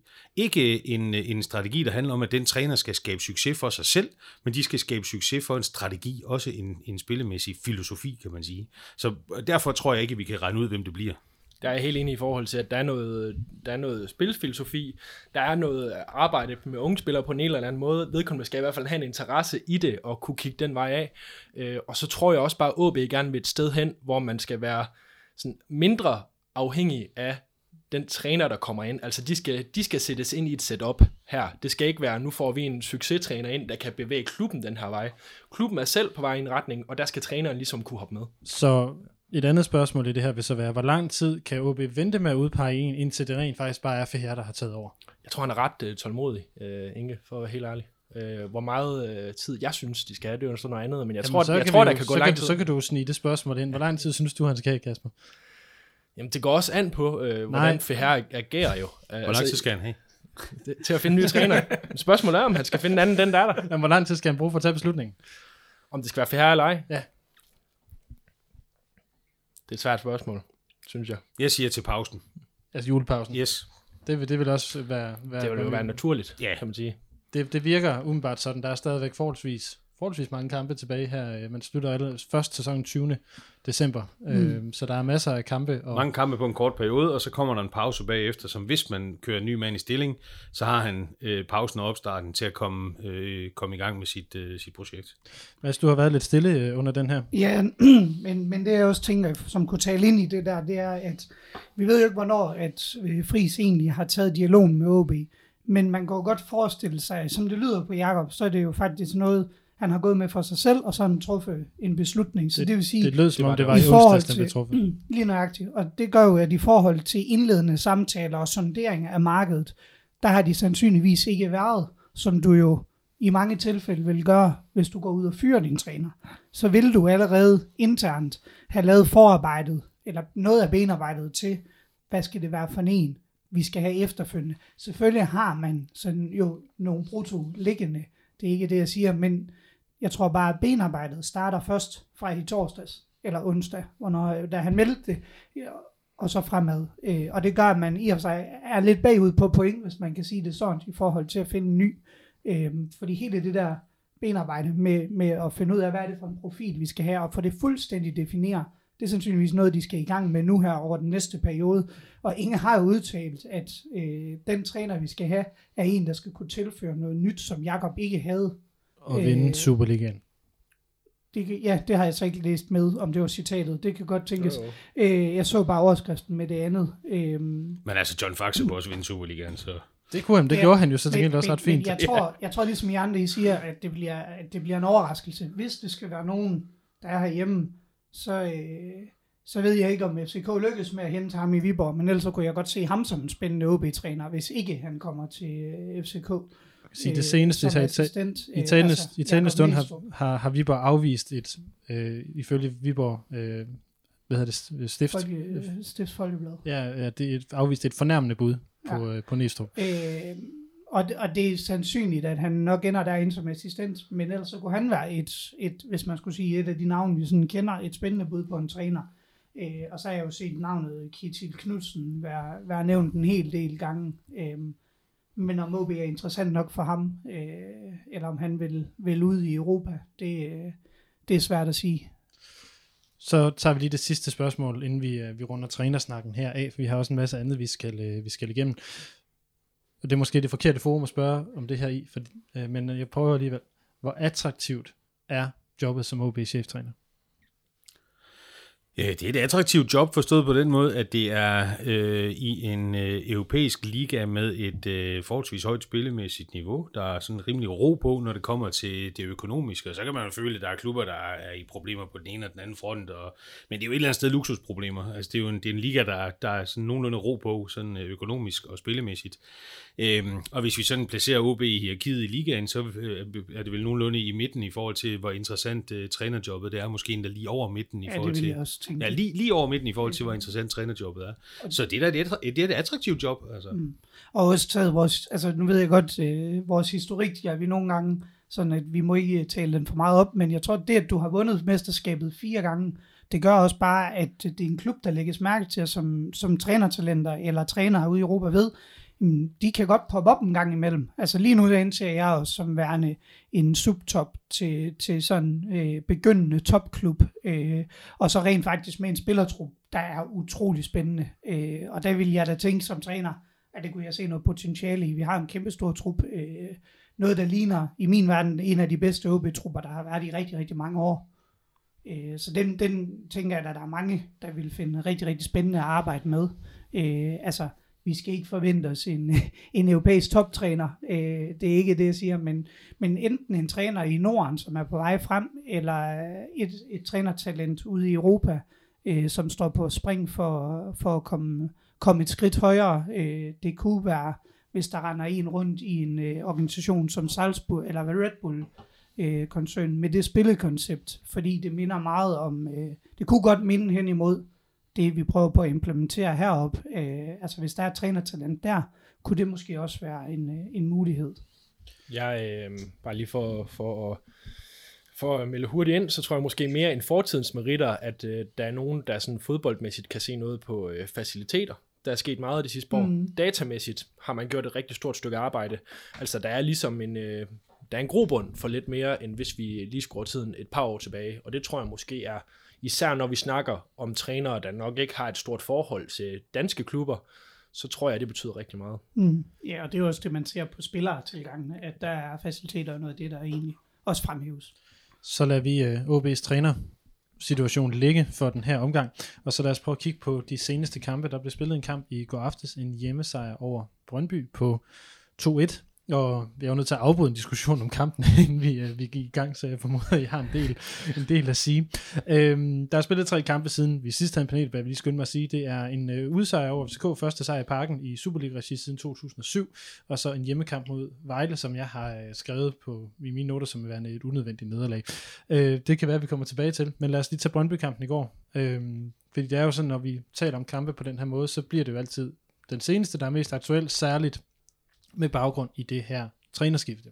Så hvis vi nu starter med at sige, hvad er det, der ser ud til at være anderledes med det OB-hold, vi skal se, i hvert fald resten af efteråret? Altså, jeg tror ikke, vi efter en kamp kan sige, hvad kommer til at være anderledes. Fordi jeg vil gerne lige se det sådan sætte over en to-tre kampe. Hvad, hvordan er det egentlig, han gerne stiller op? Og er det, var det et spørgsmål om, hvordan han skulle matche Brøndby øh, med den opstilling, han lavede? Eller var det et spørgsmål om, hvordan holdet, hans eget hold, øh, altid vil være sat op, øh, som vi nu ser det, øh, eller som vi så det mod Brøndby? Men det jeg så, det var øh, i højere grad en øh, de forhåndenværende sømsprincip, end jeg har set i hvert fald i nogle kampe, hvor jeg, øh, hvor jeg ser, at man forsøger at spille øh, med en angriber op foran. Det kan jeg godt lide. Jeg kan godt lide, når man har en, der rent faktisk er angriber, der ligger forrest på banen. Øh, jeg kan også godt lide, når man, øh, når der kommer en eller anden form for konsekvens ud af at spille fuldstændig skrækkeligt ugen før, at man så ikke er med i startopstillingen ugen efter. Og den konsekvens, begge de dele så jeg i går. Og så så jeg også, at man øh, i hvert fald... Udefra, du tænker på jeg, tænker, jeg tænker på Kåre, der var bænket efter en, øh, en kamp, hvor det er lige før, jeg vil påstå, at selv øh, Nej, det, jeg gider ikke engang finde en sammenligning. Han spillede så skrækkeligt. Jeg har, jeg, det, det er længe siden, jeg har set nogen spille så skrækkeligt. Øhm, det, det kom der en konsekvens af, og så stiller han med en angriber. Jeg er, ikke, jeg er ikke sikker på, at han stillede med en rigtig angriber, for det så ud som om, at Van Vært, han, øh, han havde lyst til at spille. Han var, han var godt nok indebrændt, da han kom ind, og lavede jo også øh, det afgørende mål, kan man sige. Øh, og så i hvert fald defensivt, der ser det ud som om, at tanken om at have høje wingbacks øh, og øh, spille med tre mænd nede bagved med de høje wingbacks, også i en defensiv udgangspunkt, i et defensivt udgangspunkt, at det ligesom er lagt på hylden, og det i højere grad bliver øh, en, en lidt mere solid defensiv organisation, som der skal øh, forsøge at, at dæmme op for de angreb, der nogle gange kommer. Og det var der diskussionen lå før, fordi var der overhovedet sket et skifte fra 3-5, eller jeg, jeg vil næsten kalde det 3-7-0, som, som ja. der er blevet spillet her i de seneste kampe. Var der sket en ændring fra det og så til 4-4-2? Og nej, det var der jo ikke helt, fordi man spillede ikke med fire mand nede bagved hele tiden, men der blev, det blev oftere til et firemandsforsvar, end ja. der gjorde i de senere kampe. Og det synes jeg var interessant. Og så synes jeg, at noget af det, som, øh, og det er også derfor, man ikke rigtig kan bedømme det, øh, det her OB-hold er bedst mod hold, der dybest set er øh, er, har lyst til at være på bolden, og de har været virkelig dårlige mod hold, der ikke har lyst til at være på bolden. Og det er også derfor, de taber 3-0 til Vejle. Nu spørger jeg dumt, men hvornår har vi sidst set et OB-hold, der har været det? Jeg synes, det er meget klassisk OB. Ja, det er det jo også. Det er, det er jo i det hele taget klassisk, øh, de hold, som, som ikke bygger sig selv op om at være spilstyrende, og det har OB ikke gjort i mange år. Kasper, du mente noget andet end, end Mikkel, og ikke fordi, at vi skal til at lave en, en runde. Jeg synes, jeg synes, vi er tættere på enige nu. Ja, men, ja, men, ja, men, det er også fordi, vi fik jo talt os frem til det før. Vi fik jo talt os lidt frem til det Jamen, før. Det var nemlig super interessant, fordi vi havde jo, jeg var, der, jeg var til kampen for Nordjysk i, i går, hvor øh, sportsredaktøren havde været til træning, og havde ligesom meldt, det bliver den her 4-4-2, og han, jeg tror primært, at han meldte det på nogle standardsituationer, man havde været inde, og så så han, hvilke spillere det var, så lignede det en 4-4-2, og det var også mere oplagt. Jeg tror ikke, mange havde gættet på, at Christoffer Pallesen skulle ind og have den her midtstopper-agtige position til tider, hvor han også får lov til at have, have, mere, have mere fri i det offensive. Fortæl os lidt om, hvor dårligt Ogo har spillet kampen, før at Pallesen kommer ind ja. i stedet for. Men, øh, men der er nemlig det her med, og det, det er jo svært for mig at sådan analysere så meget på, når jeg også har siddet og dækket kampen samtidig. Jeg gad godt at have siddet derhjemme i sofaen og kunne tænke nogle rigtig dybe tanker. Men der er noget med, hvornår man er på bolden, og hvornår man ikke er på bolden. Mm. Og der er det rigtigt, at øh, OB falder i flere tilfælde tilbage i den her lidt fladere kæde, hvor wingbacksene kommer ned og har nogle, nogle mere defensive pligter. Men de kommer til gengæld også godt med frem, når det her presspil, det ligesom udvikler sig. Så kommer vi måske til at ligne noget, som, som Jakob Friis havde, og jeg er enig med Mikkel i forhold til det. Nu skal vi se, hvor meget vi vurderer på det her, og i forhold til, hvor meget øh, der ligesom blev ageret i forhold til Brøndby og Vejlekamp og sådan noget. Noget af det, som jeg hæfter mig ved, og det, og det er jo også øh, i forsvaret, det er, at øh, de tre, man så stiller med som den her slags øh, midtstopper, som er Granli, Talander og Christoffer Pallesen, det er de tre spillere i den defensive kæde, som du mest af alt kan betragte som spillende. Altså, du har ligesom taget sådan en som Mathias Ross. Jeg synes ikke, han havde en decideret dårlig vejlekamp, men det er jo ikke hans force, det her med, med, med at være en spillende. Og Joris Okora var øh, altså, det var, det var helt forrygt, så lidt disciplineret han var i Vejlekampen. Det er det, der bliver straffet. Der bliver også måske mere straffet på baggrund af nogle tanker om, at øh, forsvaret skal kunne spille sig ud af nogle ting, hvor vi rigtig, rigtig mange år i OB har kaldt øh, rigtig, rigtig mange øh, midterforsvar for spillende, uden de var det. Men reelt var, var nogle lidt øh, fysiske og, og tunge spillere. Jeg synes det er meget, du kalder talenter for en spillende forsvar. Ja, det Be- beklager, Rasmus, men det, ja, det synes det, jeg faktisk det, ikke. Det, det, det er jeg også enig med. Det, Inden Granli kom ind, så var han den mest spillende forsvar. Det er i hvert fald en venlig analyse. Det, det, det siger måske noget om, jeg, jeg vil nødt til at sige, den, den bedst spillende forsvar på bolden i OB, det er Okora. Han er så bare vanvittigt udisciplineret, men han er klart den, der har det bedste overblik over Men jeg synes ikke, han håndterer den rolle ret godt. Ja, det kan man så diskutere, men teknisk og pasningsmæssigt, ja. der, der er han der er han den af midterforsvarende. Uh, nu, nu, nu kan jeg mærke, der kommer kog i studiet herinde. Så det, yes, yes. Ja, men det er, jo, det er jo fordi, vi taler om, øh, om Jekyll og Hyde her. Vi, vi, snak, vi snakker om en mand, vi snakker om en mand, hvis topniveau ja. er til at spille i en langt bedre liga. Nej, det var det ikke. det var det faktisk ikke. Men en langt bedre liga end den danske. Det men, men hans bundniveau, så vil han jo ikke engang komme på et bundhold i anden division i Øst. Øh, altså. Nej, og det, det, det der er hans kæmpe store udfordring, det er, når han får de der blackouts, så kommer han til, så ser han jo også attitydemæssigt mega lavet ud. Øh, og det er selvforstærkende i forhold til ham. For jeg er ikke uenig med dig i, at han spillede bundhammerne. Altså han var rigtig, rigtig dårlig mod Vejle. Øh, og han har typisk, øh, desværre per halv sæson, så har han en til to kampe, hvor han øh, mentalt står helt over. Fordi i de foregående kampe har han været det bedst. Men og også han har været snakke om- fuldstændig fantastisk for OB øh, i det der trebakskæde, Men- hvor men han har har- mindre vi har- ansvar i forhold til det disciplinerede. Men vi har diskuteret Okora i snart i al den tid, den her podcast, den har, den har eksisteret, og de har altid talt om det samme. Den ene dag, så var det sådan, sådan, nu er han på plads, og nu virker det, den der Du kan også snakke, Og det- det, du kan også det her med at snakke om spillende øh, midtstopper. Den måde, Okora gør det på, er altså også øh, alt eller intet. Fordi Ja. ja. det, er jo ikke, det er jo ikke sådan noget med, at han, øh, han lægger sådan en øh, rigtig fin aflevering, så de åbner op på midtbanen, og der bliver skabt plads og sådan noget. Det er jo ham, der tonser op af, og skal sætte tre mand, og så selv sætte den ind mange af gangene. Altså, jeg, synes, jeg tror mere, at jeg ser sådan en som Talander være med til at skabe noget luft og noget plads, for det synes jeg ikke, Okoro kan, når han er spillende. Det er fint, at han har nogle tekniske kvaliteter, men hvor han placerer bolden på banen, synes jeg øh, næsten konsekvent har været noget, hvor han har manglet noget. Men hjælp, hjælp det jo netop ikke, da han fik talenter ind ved siden af sig, så han havde en, der kunne, kunne tage den der styring og overblikket over forsvaret, Jo, jo, jo, som, det er helt som, som Men, Okora men jo ikke kan. at- det, at vi sidder og diskuterer det her, og nu både øh, sidder og taler os frem til, at Okora er for ustabil, og Talander er for ustabil, og Nej, det har vi ikke sagt, at til den Jeg der har sagt, at han ikke er han er ikke spillende i hvert fald. Det, det, det, det, er jo lige præcis, det, er jo, det er jo lige præcis beviset på, at OB ikke har mandskabet til at spille med en trebakkæde. Fordi der er simpelthen ikke tre centerforsvarer i OB, som øh, kan være på banen samtidig, og så have en siden ude på bænken, som er god nok. Jamen, det er der ikke.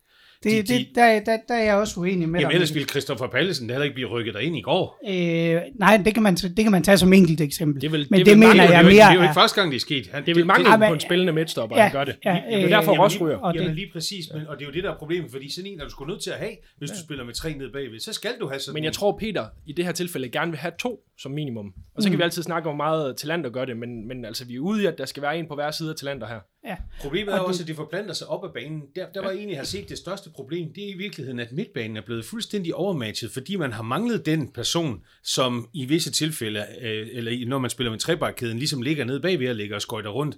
Og det, at der så er støtte på wingbacksene, det hjælper ligesom ikke på sammenhængskraften i forhold til at kunne holde fast i bolden. Jeg ved godt, det hjælper på presset, det hjælper på presspillet, mm. men det er lige præcis det, der har været problemet. Presspillet har sikkert set fint ud, hvis du øh, øh, udelukkende øh, kigger på det, men i forhold til rent faktisk at få skabt noget ud af det, øh, der starter problemet lige præcis i, at der ikke er folk nede i, i, i det der midterforsvar, som er dygtige nok til at spille bolden frem af banen, hvis man vil spille med tre dernede.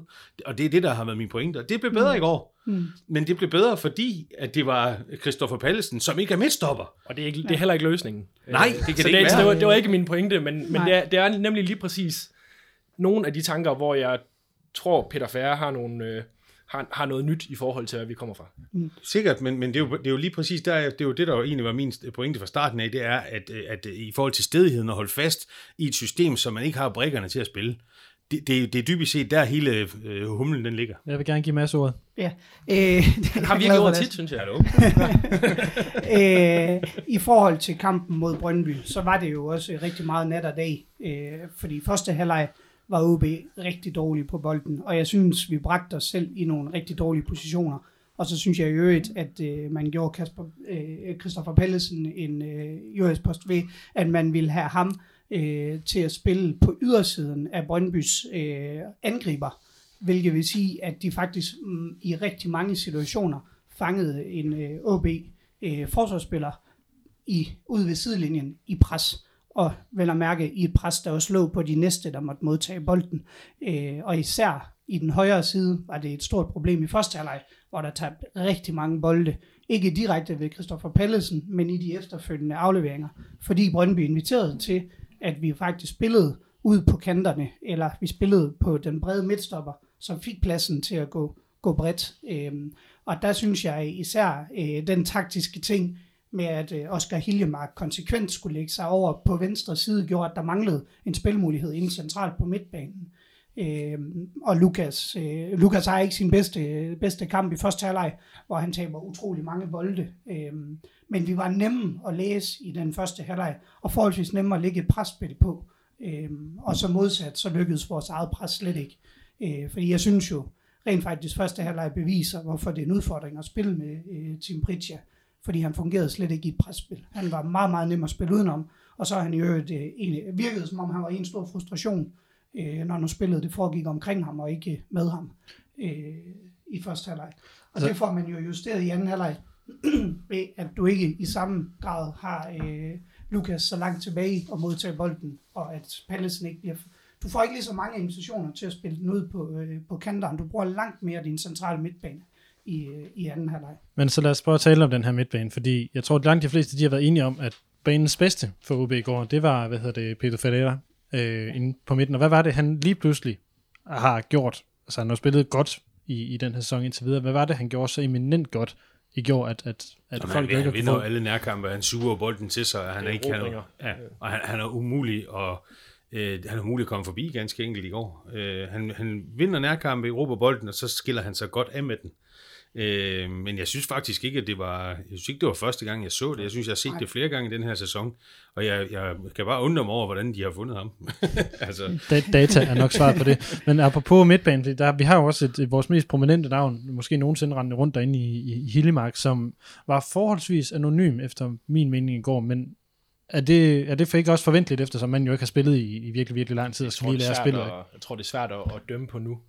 Øh, noget af det i forhold til, til, til Pedro Ferreira, det er også det her, altså nu begynder han jo ligesom, han har, han har vist noget rigtig godt før, men han, han får også nogle kampe ind, og så begynder det at se bedre og bedre ud, og noget, som jeg også tror, han, han fik i den her kamp, det var lidt, jeg tror, det var frihed til ligesom at jagte bolden, i forhold til, til de forpligtelser, han ellers har haft. Øh, hvor, altså Hiljemark skal jo også, øh, skal også ind i det her, men jeg synes generelt, det er jo også og der står Hiljemark jo også som en del af det. Det er med det samme, man kom bare lidt op i anden kæde, så havde OB jo nogle problemer, øh, med mindre at de kørte på de der, øh, de der sider. Så de havde jo svært ved at køre igennem midten. Og, Så. og, og som jeg siger, det, det hjælper også øh, i anden halvleg, at du fik en mand som Kasper Kusk ind, der kunne læse, hvor mellemrummene i spillet var, øh, og rent faktisk kunne holde i bolden med pres. Øhm, og jeg synes, han spiller en eminent anden halvleg. Øh, Ferreira er, er skidegod. Jeg synes virkelig også, Kasper Kusk kommer ind og gør det, gør det fantastisk. Øh, han, han har det der touch med at kan glide af på taklinger, og det gør, at det er utrolig svært at sætte et højt pres, som Brøndby lykkedes med i første halvleg. Øh, det plejer Lukas også at kunne, men det lykkedes ham ikke øh, i, samme om, i samme grad på den, øh, på den venstre kant, eller på den højre kant i første halvleg. Øh, og der, der er Kusk jo, der er han helt eminent, øh, og det gør, at du, du kan skabe nogle overtal på banen, øh, og det er mega svært at ligge presspil, som de lykkedes med i første halvleg. Brøndby. Jeg det er synes jo også- også, jeg en synes sjov detalje, den der med at tage Lukas ud på det tidspunkt, hvor han bliver taget ud. Det tror jeg ikke, Jakob Friis havde gjort. Nej, det tror jeg. Øhm, og, Jeg tror og, også, der er noget fysisk i det. Jeg tror, han får Ja, at det vide, er- hvornår det skal skiftes ud. Ja, jo, jo. Han har jo ikke spillet 90 minutter endnu. Nej, lige præcis. her side af og- pokalfinalen. men, men, men man kan sige, han tager ham ud til Lukas' egen store frustration på det tidspunkt. Øh, og så øh, senere havde Brøndby nu skåret til 2-1, så havde det været en helt forkert beslutning. Men det var så ikke det, der skete. Tværtimod så øh, fik OB, efter han var gået ud, bedre fat i spillet igen. Men jeg, altså, Lukas spiller ikke specielt godt i første halvleg, men jeg synes, at han spiller bedre i anden Han var, halvleg, nem, hvor han var nemlig ikke dårlig, da han blev øh, taget på ud. Det var, det, det, det, det var lige præcis det, der er pointen. Øh, anden halvleg, der spiller han sig op, øh, for jeg synes virkelig, i første halvleg havde han rigtig mange boldtab, øh, og unødvendige boldtab på, på faktisk vores, den defensive tredjedel af, af banen, øh, som, som gjorde, at det blev rigtig farligt. Øh, men det var også, synes jeg, fordi man spillede ham i nogle helt forkerte situationer, hvor i, i anden halvleg, der får man ham fundet meget højere på banen. Jamen, Lukas Andersen sagde jo selv efter kampen, at han sådan set havde fornemmelsen af, at han kunne være med til at afgøre kampen. Mm. Og den fornemmelse sad jeg også med. Ja. Og det er jo derfor, at det i virkeligheden er et super gutsy og ballsy at tage ham ud, Men- for at men- bringe noget nyt. Og det han, bring, lige- det han ja. bringer, det er jo så i, i det her tilfælde, at han får Kasper Kusks øh, evner ind i stedet for. Øh, jeg ved godt, at det er senere i kampen, men, det, Ja, men, han, ja, men ja. han, by, han bytter rundt på, på, på figuren og får Kasper Jeg Kusk ind. på Lukas' øh, position. Lige præcis. Ja, ja, men, men det var allerede i pausen, at der blev byttet rundt. Øh, Lukas lå jo til venstre i, i anden halvleg. Ja. Øh, øh, hvad hedder det? øhm, Men det, jeg- det jeg vil tæ- sige med det, det er, jeg tror også, som du siger, Kasper, det er rigtig meget har med fysik at gøre. Øh, og så kan det godt være, at Lukas øh, virker frustreret, da han går ud, øh, og med rette. Men jeg tror, der må jo også ligge noget, en plan bag, hvordan får vi ham skaleret op i tid igen. Og så kan det godt være, at han, han egentlig viser sig at have rigtig, rigtig mange gode aktioner. Men man bliver bare nødt til, tror jeg, at være den, der står ude på sidelinjen og sige, hey, vi har altså godt nok, selvom det er fristende at lade ham blive, så bliver vi nødt til at holde fast i det, fordi fysisk skal han op i gear igen, for at vi ikke risikerer, at han er, han er skadet i flere måneder en gang til. Der er flere interessante ting i det. Jeg er ret sikker på, at øh, OB's dataanalytiker øh, Jim Holm, han, har, han sidder og fortæller, og, hvor hvornår der skal skiftes ud, og der er nogle tal, der nok fortæller, at i forhold til restitution, og hvor langt øh, det Lukas er, at så skal han nok snart ud. Men der er noget interessant i, at andre trænere, de kommer jo nok til at kigge rigtig meget på Lukas Andersen, og jeg synes også, at i forhold til Kusk, så har Lukas Andersen også flere folk at kæmpe med. Altså det er tit, han står i en, øh, i telefonboks med to eller tre mand og skulle forholde sig til, hvor et kusk får, får mere en af gangen langt op på banen. Så det, jeg var også hård ved, ved Lukas i går i vores karaktergivning og sådan noget, men, men det er også den position, han kommer ind i, for han er, han er en meget stor magnet på den anden træners øh, taktikbræt, ikke? Øh, hvor at, øh, med det samme, at det ligesom er noget, du kan se, der bliver kæmpet med fra AB's side, at du så tager ham ud, eller sætter ham over på den anden side, eller sætter ham i en anden rolle, eller et eller andet, så begynder du at skabe noget usikkerhed ved det andet hold. Så det er jo også det, det kan, at han har den her rolle. Og det tror jeg også var med til ligesom at give det her, for jeg tror egentlig også godt, at Lukas kunne være med til at vente alligevel. Men til gengæld, så skaber du ligesom noget, noget usikkerhed ved Brøndby i og med, at der er tit to eller tre mand, der forholder sig til Lukas hvem skal de forholde sig til nu? Vi kan bare konstatere, at det kampafgørende, det er afleveringen fra Kasper Kusk og hætteren fra Tom van Wert, som begge to var indskiftet i anden halvleg. Ikke? Ja, altså. præcis. Mm. Men det er også fedt at have en trup, hvor du er i stand til at ændre kampbilledet øh, så markant, som du gør. Øh, fordi det, at den Kadar også kommer på banen, ændrer jo også hele mm. forudsætningen for, øh, hvordan Brøndby kan, kan stå på banen. Øhm, fordi du ved, at han kan tro et bagrum, så det vil noget. Og han fik ikke så meget ud af det i går, men jeg, så, men jeg så noget, som, øh, som fik mig til at tænke, at det måske godt kan blive til noget med, fordi jeg har faktisk haft det svært ved lige at, at greje, hvad, hvad, hvad, hvad spidskompetencen den er ud over hurtighed. Ja, øh, og så virkede det jo også som om, at han fysisk måske har et efterslæb, der, mm. der er ret stort. Øh, jeg tænkte da i hvert fald, at der er nogle alarmklokker, der ringer, når man sidder på bænken i en reserveholdskamp. Øh, øh, mod Hobro, og ikke, ikke starter inden der. Øh, forhåbentlig er han der på vej i den rigtige retning med, med den indskiftning, men jeg har også sådan, at hvis det er en legespiller, og han ikke er bedre end de andre, så skal vi også, så skal vi, som jeg ser det, spille dem, vi har. Selvfølgelig. Lad os uh, lige hæve os op og så lige tage to spillere mere, uh, inden vi lige tager sådan de her uh, tre kampe sådan, som, som en samlet pakke. Ivar Foss, som han er nu uh, delt topscore med Tom van Wert med tre mål, derimod uh, de to store København-hold er Fossums fremtid mere på den offensive del, end, end som forvildet høn midt på banen? Altså, jeg, sy- jeg, sy- jeg synes, han er 8, og jeg ved godt, at han laver de to kasser i København. Men for mig, for mig, han, øh, for mig er han 8. Født 8.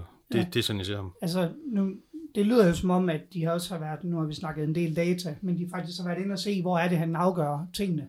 Øh, og der vil man rigtig gerne have ham længere frem på banen, fordi han er utrolig dygtig til at time sin dybdeløb. Han har egentlig ikke specielt sådan voldsom hurtighed, men han er bare altid i boksen.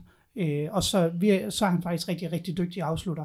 Øh, så jeg kan sagtens forstå, at man har ham frem som kant. Øh, og, og det tror jeg også, han vil komme til at, at agere som i, i fremtiden. Øh, ikke en klassisk kant i den, der står og øh, tager kridtstregeren, men i forhold til øh, at løbe rigtig mange dybdeløb og øh, rigtig mange presmeter, der, der, der, bliver han, øh, der bliver han rigtig, rigtig dygtig. Man kan så sige, mod, mod et hold som, øh, som Vejle, der kunne man måske godt overveje, at han skal, han skal falde mere ned i banen, og så, øh, og så man med tre centrale midtbanespillere i stedet for med, og så med to angriber. Øh, men, men det er jo, det er jo nogle, nogle finesser, som man også varierer i løbet af kampen, hvor de, hvor de taktisk fleksibelt bevæger sig hen. fordi i slutningen af første halvleg begynder for som faktisk også at trække ned, på central midtbane. Øh, og det tænker jeg, det er jo også noget, der er justeret på ud fra sidelinjen, fordi man kan se, vi bliver, som du siger, vi bliver faktisk spillet rigtig, rigtig meget tynd, øh, og de fungerer i presset. Det er ligesom, om vi ikke har en spilmulighed centralt. Øh, og det gjorde han faktisk de sidste 5, 7, 10 minutter af, af første halvleg, mere end han lå som venstre kant. Mm. Så er der den, den anden, og det er jo øh, Frederik Børsting, som der har været rigtig, rigtig meget snak om, har holdt blandt andet Kasper Kusk ude af holdet. Hvordan ser I Børstings øh, rolle på, på det her OB-hold? Oh, vi skal sætte meget tid af det der. Hvor har vi? jeg ved det heller ikke. Ja, det, Hopper vi den der med 99? Eller hvad? Ja, Fem, det var 95, men... ja, det er rigtig nok.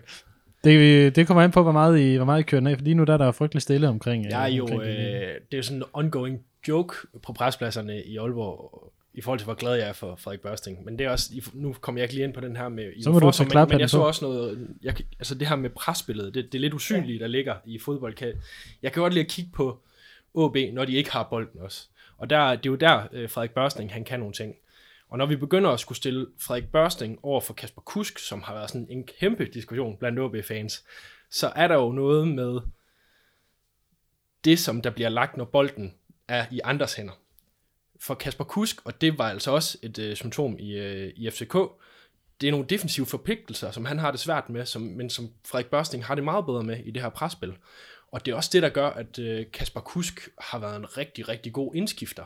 Når det ligesom, der, der skal hentes noget, og man skal åbne det mere op, og det skal være mere frit. Men jeg kan, jeg kan godt se, hvorfor at man sætter Frederik Børsting ind, når det sådan skal være solidt, og over 60-70 minutter skal du ligesom have, have noget, der du kan regne med. For når Kasper Kuss til gengæld har spillet sine kampe fra start, så når du kommer hen til de der 60-70 minutter, så slækker han jo mere og mere på løbende tilbage. Og det bliver jo farligt i den del af kampen, for der er det der, hvor OB gerne vil have fysikken efterhånden. Det er jo, vi har hør, før hørt Jakob Fri snakke om, at vi har øh, 60 eller 65 eller 70 minutter at køre det her spil i. Øh, så, så jeg synes, det er der, man skal begynde at overveje. Øh, der er jo også en, sådan cirka en halv fodboldkamp, hvor OB de ikke har bolden. Mm. Jamen altså, Børsting er jo en vidunderlig øh, holdspiller, og øh, ufattelig arbejdsom, og han er klog i forhold til øh, løbemønstrene netop uden bold. Øh, jeg tror, grunden til, at diskussionen overhovedet opstår, det er jo fordi, man stiller to spillere op imod hinanden, som er så store modsætninger til hinanden i virkeligheden. Øh, Kasper Gust, som er, som er violinisten, og så Frederik Børsting, der spiller på kontrabas. Ikke? Og man kan ikke, du, du kan ikke sammenligne, du kan ikke sige, at det ene det er bedre end det andet. Der er brug for begge dele. Problemet er jo bare lidt, at du kan ikke spille med, med, med fem violinister, heller ikke op foran, fordi så hænger tingene ikke sammen. Og han, han bringer noget... Men det er jo, det er jo Kust, der bliver offret hver gang.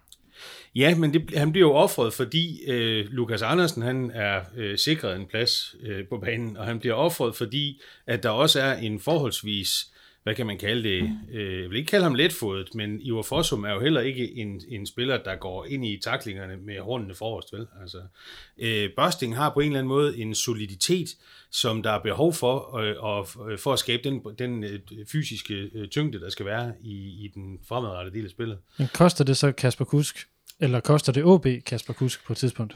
Jamen det ved jeg ikke. I, altså i, i kampen mod, øh, mod Vejle, der var det jo ikke Kasper Kusk, der blev offret for Børsting. Det var jo Van Wert eller, eller Britja, der blev offret der. Så det, altså han har jo sådan set i virkeligheden været sådan lidt øh, skraldemand, øh, som er blevet brugt alle mulige forskellige steder på banen. Det er vel nærmest kun målmand og centerforsvar. Han har ikke prøvet at spille endnu, øh, Børsting. Altså. Mere, mere end det her med, med at øh, Kusk øh, bliver offret så har man jo også prøvet at give Kusk den der øh, falske nier-position, hvor der mm. måske ikke er lige så mange defensive pligter. Jeg, jeg synes egentlig, der har været en velvillighed til at mm. prøve Kusk af i nogle ting, hvor at der alligevel har været ude på den her kant nogle, nogle forpligtelser, som han ikke har kunne leve op til, og som, øh, som Børsting har gjort bedre. Men man har jo givet Kusk chancen for at gøre det et andet sted, hvor der er færre defensive forpligtelser, og det brændte han ikke igennem på rigtigt. Altså i virkeligheden så er Børsting sådan en spiller. Der var engang en, der sagde til mig, at hvis man er sådan rimelig god til det hele, men ikke er super god til én ting, så ender man med at sidde på bænken.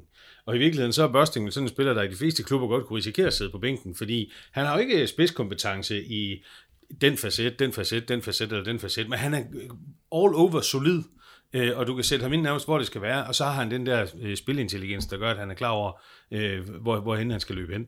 Øh, men det er sådan, han er sådan en spiller, der godt kunne ind på bænken alle mulige andre steder. Jeg tror, at Jakob Friis, han øh, har troet rigtig, rigtig meget på børsting, og jeg, jeg vil se over de næste kampe om, øh, om det nye setup, om han passer lige så godt ind i det nye setup. Øh, det, er ikke, det er jeg ikke sikker på, at han gør. Der er altså også rigtig mange andre cheftrænere end Jakob Friis, der har troet på ham. Vi skal huske, at han slog Andreas Brun af pinden, og der havde vi den igen.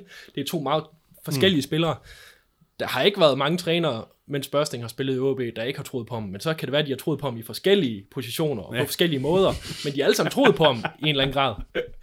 Fantastisk. Man må meget tro, Om det har været øh, central midtbane, eller, øh, eller højre bak, eller øh, til, til dels angriber og kant. Altså, Jamen det er det, jeg siger, han har spillet det hele. Ja.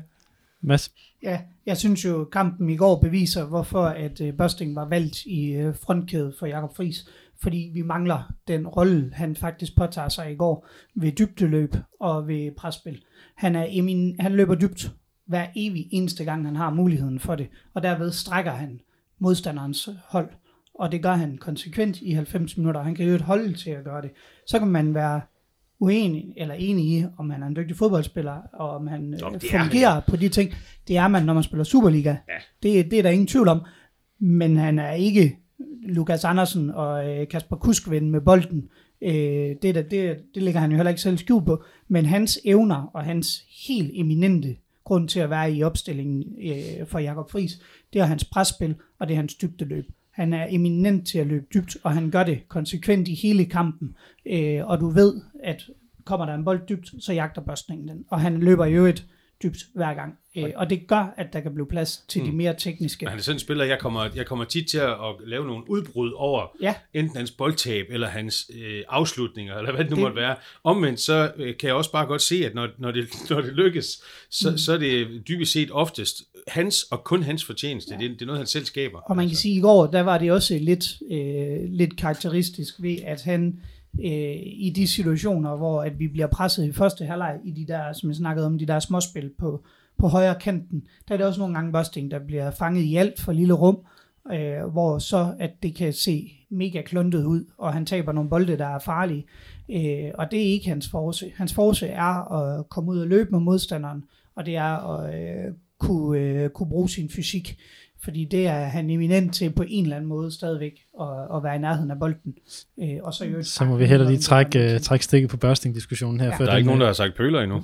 Nej, det var lige præcis, jeg vil undgå, at, jeg vil undgå, at den kom, for jeg synes faktisk ikke, at det, det er altid lige pænt at tale om børsting som Kæft pøller. det emne at runde af nu. Jeg havde, øh, Ja, jeg kan Ja, godt se, der, du har ikke engang nået at tegne OB-dukker på dine noter i dag, Nej. Kasper. Det, er- der er kun noter. det er skide godt. Uh, inden vi går videre til som, det, som jeg har kaldt eventuelt punktet, som faktisk er ret mange væsentlige ting, så vil jeg lige høre om en, hvad der er nok er et lille spørgsmål, men som ender med at blive en lang diskussion. Øh, fordi OB har spillet tre kampe, vi har hentet seks point i de her tre kampe. Øh, vi det over både FCK og Brøndby, man henter de her point. Hvor, hvor er jeres følelse med OB lige nu? Fordi jeg er ikke helt overbevist om, hvor vi er, om man har fundet sin leje i den her turnering, på trods af, at man er to point fra førstepladsen. Omvendt er man jo så også seks pladser fra førstepladsen på nuværende tidspunkt.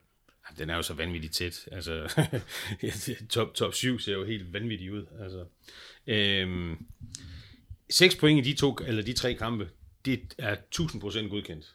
Ingen tvivl om det. Men øh, som tingene nu gik i København, så skulle det jo have været 9 point i de tre kampe. Øh, fordi det der nederlag øh, til Vejle, det var sgu, jeg synes, det var pinligt. Øh, øh, I udtryk, i indsats, i øh, taktisk øh, setup, det hele, det var bare, det var pinligt at se på. Øh, det, det synes jeg ikke bare, det var ikke værdigt. Øh, så, så på den måde var det ærgerligt, men set over tre kampe, så er de seks point, det er absolut godkendt, og jeg tror også, øh, det udtrykket er jo også, hvor, hvor tæt ligaen er i toppen. Så skulle du vinde to i træk, så ligger du nummer to, og hvis du taber to i træk, så ligger du nummer ni. Altså, sådan er det lige i øjeblikket. Er du enig, Kasper? Ja, det er, øh, man kan sige, der var en rigtig, rigtig god kamp mod FC København, og så var der en rigtig, rigtig dårlig kamp mod Vejle, og så var der sådan øh, lige det et lun øh, mellemfelt øh, mod Brøndby, for selvom at det er en sejr, så er det jo ikke en, en god kamp hele vejen igennem. Altså første halvleg, jeg vil næsten sige, at hvis, hvis det ikke var for Pedro Ferreira i første halvleg, så, øh, så havde AB ikke gået til pause 1-1. Jamen, og heller ikke 0-0. Der så havde de været bagud. Ja, og, og, og første halvleg var, var virkelig dårlig. Øhm, jeg synes, at anden halvleg til Ja. gengæld var, øh, var, var noget af det bedste, vi overhovedet har set i den sæson her. Øhm, men Vejle-kampen står for mig som værende et lavpunkt, fordi vi teknisk var så jammerligt dårlige på bolden. Altså, Lukas havde jo øh, nok den dårligste kamp, han har spillet, siden han er kommet tilbage til OB. Tæt på i hvert fald. Nu kan jeg, kan jeg ikke fuldstændig huske alle sammen, men han var virkelig dårlig i den kamp. Shura Sokora var dårlig. Øh, altså, der var, det var sådan helt generelt en, øh, en off-dag. Øh, og så synes, jeg, så synes jeg også, at øh, det virkede underligt, at vi ikke kunne, øh, at vi ikke kunne matche øh, Vejle i forhold til tempo og, øh, og taktisk snille, fordi det var jo ikke, fordi de fysisk overmatchede os. Jeg havde egentlig forventet, at, øh, at de havde kunne lukke ned for, for ham, øh, Fagir, fordi de vidste, hvad han ville komme med. Jeg vil i hvert fald sige, når en 17-årig pisser igennem på den måde, så øh, skal man nok lige hive sig selv i armen. Altså. Nå jo, men, men, men du vidste også, at han var øh, en, du skal, du skal dobbeltmarkere på, du skal være mm. ekstra opmærksom på, du skal passe på bagrum på. Øhm, og det, det synes jeg slet ikke, øh, man lykkedes med øh, rent taktisk. Øhm, fordi han er, han er et kæmpe talent, ham de har. øh, 100%. Det er, der, det er der ingen tvivl om. Men, men ham og Susa fik også OB til at se, til at se umanerligt dårligt ud. Jamen, men jeg synes, Vejle kom med en friskhed og en øh, gejst og en motivation, og det var, det var sgu en fornøjelse at se Vejle spille. Det var det eneste gode, der var ved den kamp. Vejle spillede fandme en god kamp, og det var dejligt at se dem spille, fordi de øh, spiller med så høj motivation, som de gør, og med så høj øh, arbejdsgiver, som de gør øh, hele banden. Det synes jeg er dejligt, når en oprykker kommer på den måde. At det så lige skete på Aalborg Stadion, og med 3-0-nederlag til OB som, øh, som følge. Det synes jeg var træls. Nu er de så tabt til, til Randers. Ja, lige præcis. ikke? Men ellers så synes jeg, jeg har været meget imponeret også, at de har været, Ja. de har været så uimponeret, øh, Mm. Vejle. Altså også deres sejr over FCK Øh, det var også, altså der var noget af det samme, øh, og, og det er jo den her, øh, der er noget gejst og, og spilleglæde, som, som jeg virkelig synes er, er rigtig flot fra en oprykker, hvor der også burde være noget nervøsitet en gang imellem. Godt, lad os øh, så rykke videre. Så vi havde egentlig et punkt på, som hed 1995, så der havde jeg egentlig regnet med, at øh, Mikkel skulle fortælle rigtig mange anekdoter. Det skulle jeg vise fra- billeder fra, eller? Ja, helst, helst billeder faktisk. Der er nogle fantastiske nogle af dig med. Ja, det outfit, det må jeg selv gå ind og havde de store runde briller på? Det havde du, ja. Ja, præcis. Hold da op, ja. Dem har jeg solgt. Ja, du kunne også, hvad hedder det, stoppe en, en, en, flyver, hvis det var det med, med de briller der. Men hvad hedder det? Jeg vil så lige sige, at øh, vi har jo her i podcasten produceret en udsendelse om mesterskabet 1995, som OB jo også forsøgte at markere, som jo desværre druknede i alt det her coronavæk. Jeg kunne godt unde det hold at få samme hyldest, som 99 det fik i den her FCK-kamp vi, i sidste år, som, som vi har talt så meget om i, i den her udsendelse. Øh, så gå ind og lyt til den udsendelse. Jeg vil så også lige sige, i forbindelse med det, OB har jo produceret en af de, eller retro-trøjer, der skal minde om trøjerne fra, fra 1995. Sådan en kan I faktisk vinde, hvis I går ind og deltager i vores øh, lytter-evaluering af podcasten her. Der kommer til at ligge et link i forbindelse med, øh, hvad hedder det, med linket til udsendelsen. Så hvis du ikke allerede har været inde og svare, så kan du gå ind og svare på øh, vores øh, lytterevaluering, og så melde dig til at vinde potentielt en af de her retro-trøjer. Der er øh, 30 spørgsmål, det tager cirka 10 minutter at, at svare på det, så det håber jeg, I derude I har, har lyst til. Indtil videre så er der 125, der har gjort det, og vi har altså omkring 2.000 afspilninger per, per udsendelse, så øh, der må være mange af jer, som har tid til at gå ind og, og tage den. Så er den ligesom skudt afsted. Øhm, mit eventuelt punkt i dag, det handler om blandt andet om den her aktieemission, som OB har, har gennemført. Den er gået lidt igennem glemmebogen, for som det er med OB i år, så sker der bare virkelig, virkelig mange ting.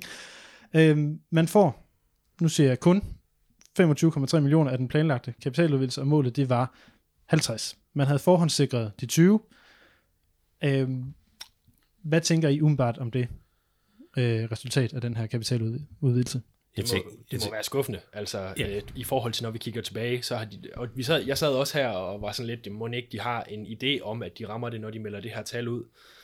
Men øh, det er jo en, det er også en, det er også en underlig tid, vi er i lige Ja. nu. Men, men, men det har du helt grundlæggende ikke nødvendigvis, når du melder en aktieemission ud. At, Nej, det er, forhold- at det er det, du vil. Jeg du ikke rigtig, at OB har, øh, har meldt et tal ud, som de ikke har været tæt på at ramme tidligere. Så, jeg har, så man har en eller anden idé om, at, øh, at de i hvert fald ligger tallet på en, en bund af en eller anden viden, eller en eller anden Øh. tro, eller en eller anden dialog, selvom det ikke er forhåndssikret. Ja, altså man skal huske på, som nu en, en geogud i øh, supportklubben, han, øh, han skrev til os, de 20 millioner er jo altså også sikret. Når man siger, at vi kun henter 5 millioner, så er det jo ikke rigtigt. Jeg sagde kun 25. Ja, det ved jeg godt. Det var ikke dig, jeg mente. Øh, Den gode Kasper Møller, vores, øh, vores øh, revisorsafkyndige mand i, i, i supportklubben, han, han var inde og påpege, at, at man skal huske på, at det jo altså er det samlede beløb, der skal vurderes på. Om det er skuffende, om det er tilfredsstillende, og sådan, det synes jeg er svært at sige. Altså, man har, man har kalkuleret med, at man skulle have nogle penge ind, og du har trods alt fået 25 millioner. Øh, det er rigtigt, at du vil have 50, men de har også udtalt, at det ikke er noget, der kommer til at betyde øh, i forhold til OB's sikkerhed for fremtiden.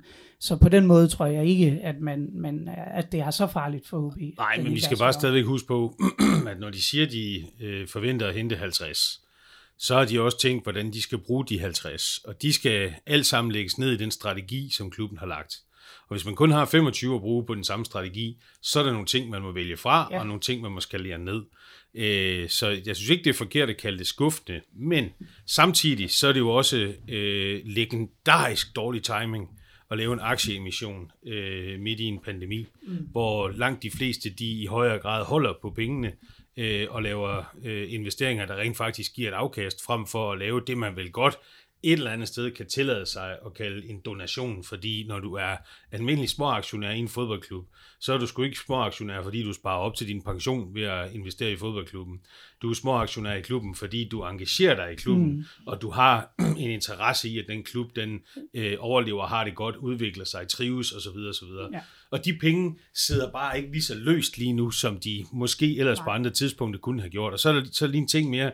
Det er jo, det er jo øh, 25 millioner i fodboldmæssig forstand, er, er ikke ret mange penge.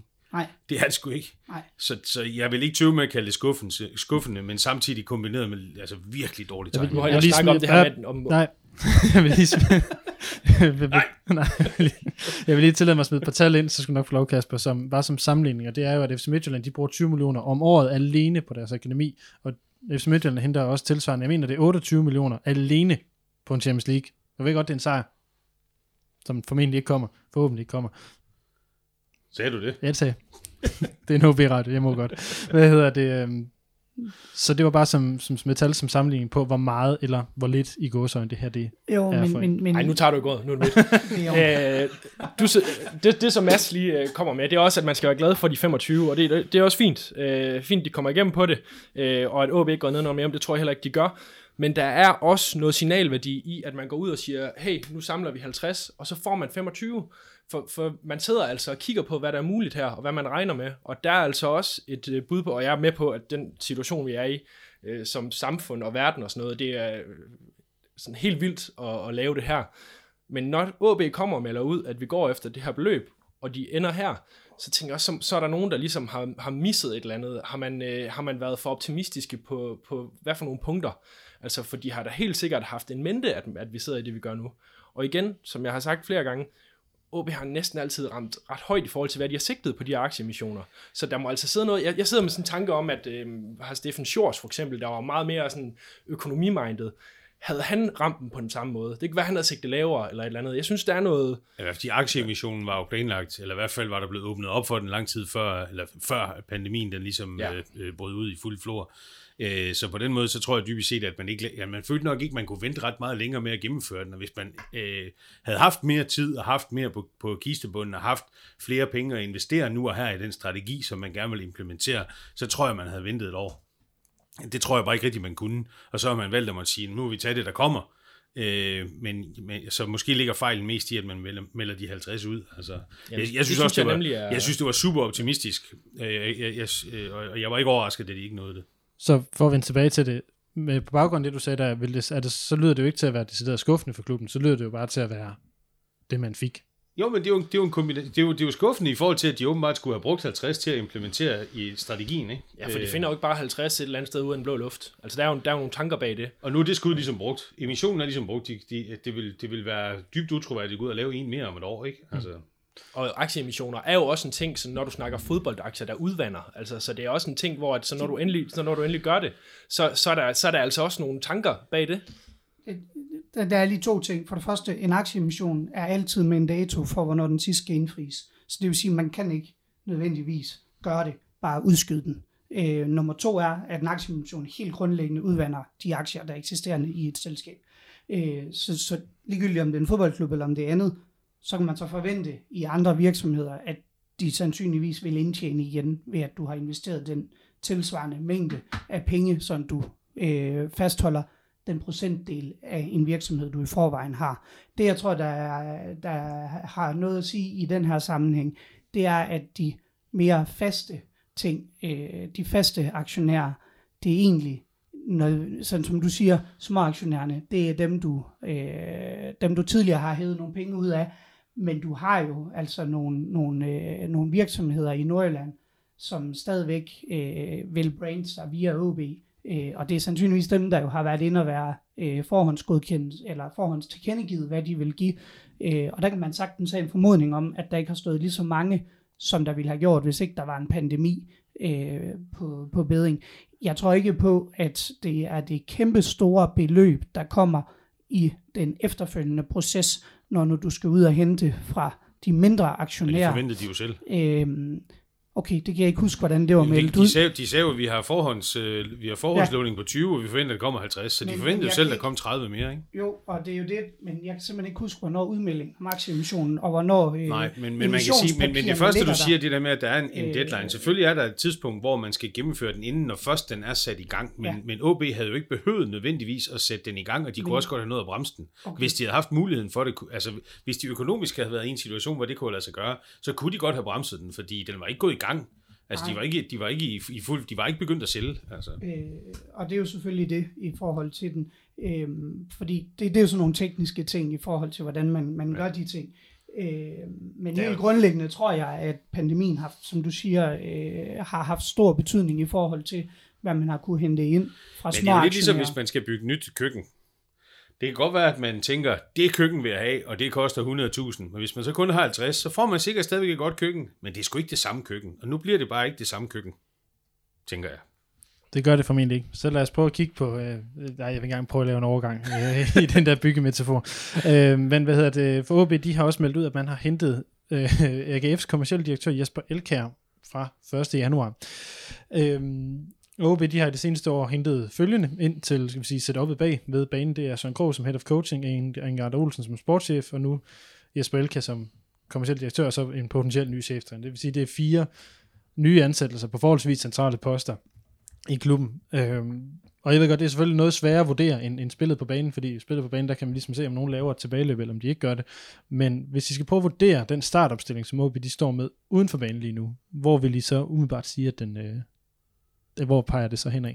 Jeg synes, at, øh, at noget af det interessante her, det er den der øh, virkelig øh, indebrændte diskussion, der har været i nogle år om, øh, om OB-folk, og øh, de der gamle klubfolk og sådan noget. Men her er der jo virkelig, øh, her har man jo virkelig håndplukket fra andre klubber. Det er nogen, der beviser i andre klubber, og man har delt ansvaret ud på folk, der allerede har gjort noget lignende i forvejen, og har den her rolle, så man har ikke opfundet dem på samme måde, som, øh, som når vi snakkede øh, Bælum. Børge Bak, Lønge, Gorte, og der, der, er jo, der er jo gode og dårlige ting ved det hele, men, men det er jo ligesom nogen, der har noget, noget baggrund for, for det, de kommer ind på, mere end at det er nogen, der har et forhold til klubben. Og så ved jeg godt, Bælum sidder øverst med, med et overordnet ansvar nu, men der er jo nogle ting, der bliver uddelegeret på nogle folk, der har nogle spidskompetencer her, som OB ikke har opfundet professionelt. Og det synes jeg egentlig er, øh, det, det synes jeg egentlig er meget forfriskende, og jeg ser det udelukkende som en, øh, som en positiv ting, at man kigger rundt omkring en og siger, hvor kan vi se nogen, der vil tilføre klubben noget med det samme. Jeg må indrømme, jeg, må indrømme, jeg har simpelthen ikke uh, indsigten til at kunne øh, øh, vurdere hver enkelt af de nye folk, øh, som sidder i og omkring OB-ledelsen. Men øh, jeg tror, vi var inde på det sidste, jeg var på besøg her i, øh, i studiet, at øh, jeg, jeg, jeg har savnet lidt en, Øh, en klar retning, fordi jeg synes, man har sagt en ting og lidt gjort noget andet. Øhm, det, det, det begynder lige så stille og synes jeg øh, at rette sig ind, at der begynder at være mere fodslag imellem, hvad det er, man siger, og hvad det er, man gør. Øhm, og det er også derfor, jeg faktisk synes, det er synd, at den her aktieemission, den ikke øh, ligesom fik noget mere øh, hår på brystet, fordi det kunne måske have givet dem det shooting power, de skal bruge for at gennemføre det projekt, som de, som de tydeligvis øh, har, har gjort klar. Øhm, men, men jeg synes, det er øh, spændende og forfriskende, som du også siger, øh, spændende og forfriskende, at det er nogle folk, der kommer med hver dag deres baggrund og kommer med succes fra de jobs, de har haft tidligere, øh, og skal ind og tilføre øh, klubben noget. Men jeg kan ikke vurdere hver enkelt i, i ledelsen om, hvad de har. Og det samme gælder en kommersiel direktør i, i AGF, fordi der kan der være mange andre grunde til, om de har lavet mange penge eller ikke lavet mange penge, eller dit og dat. Så det, det, det må jeg det har jeg svært ved.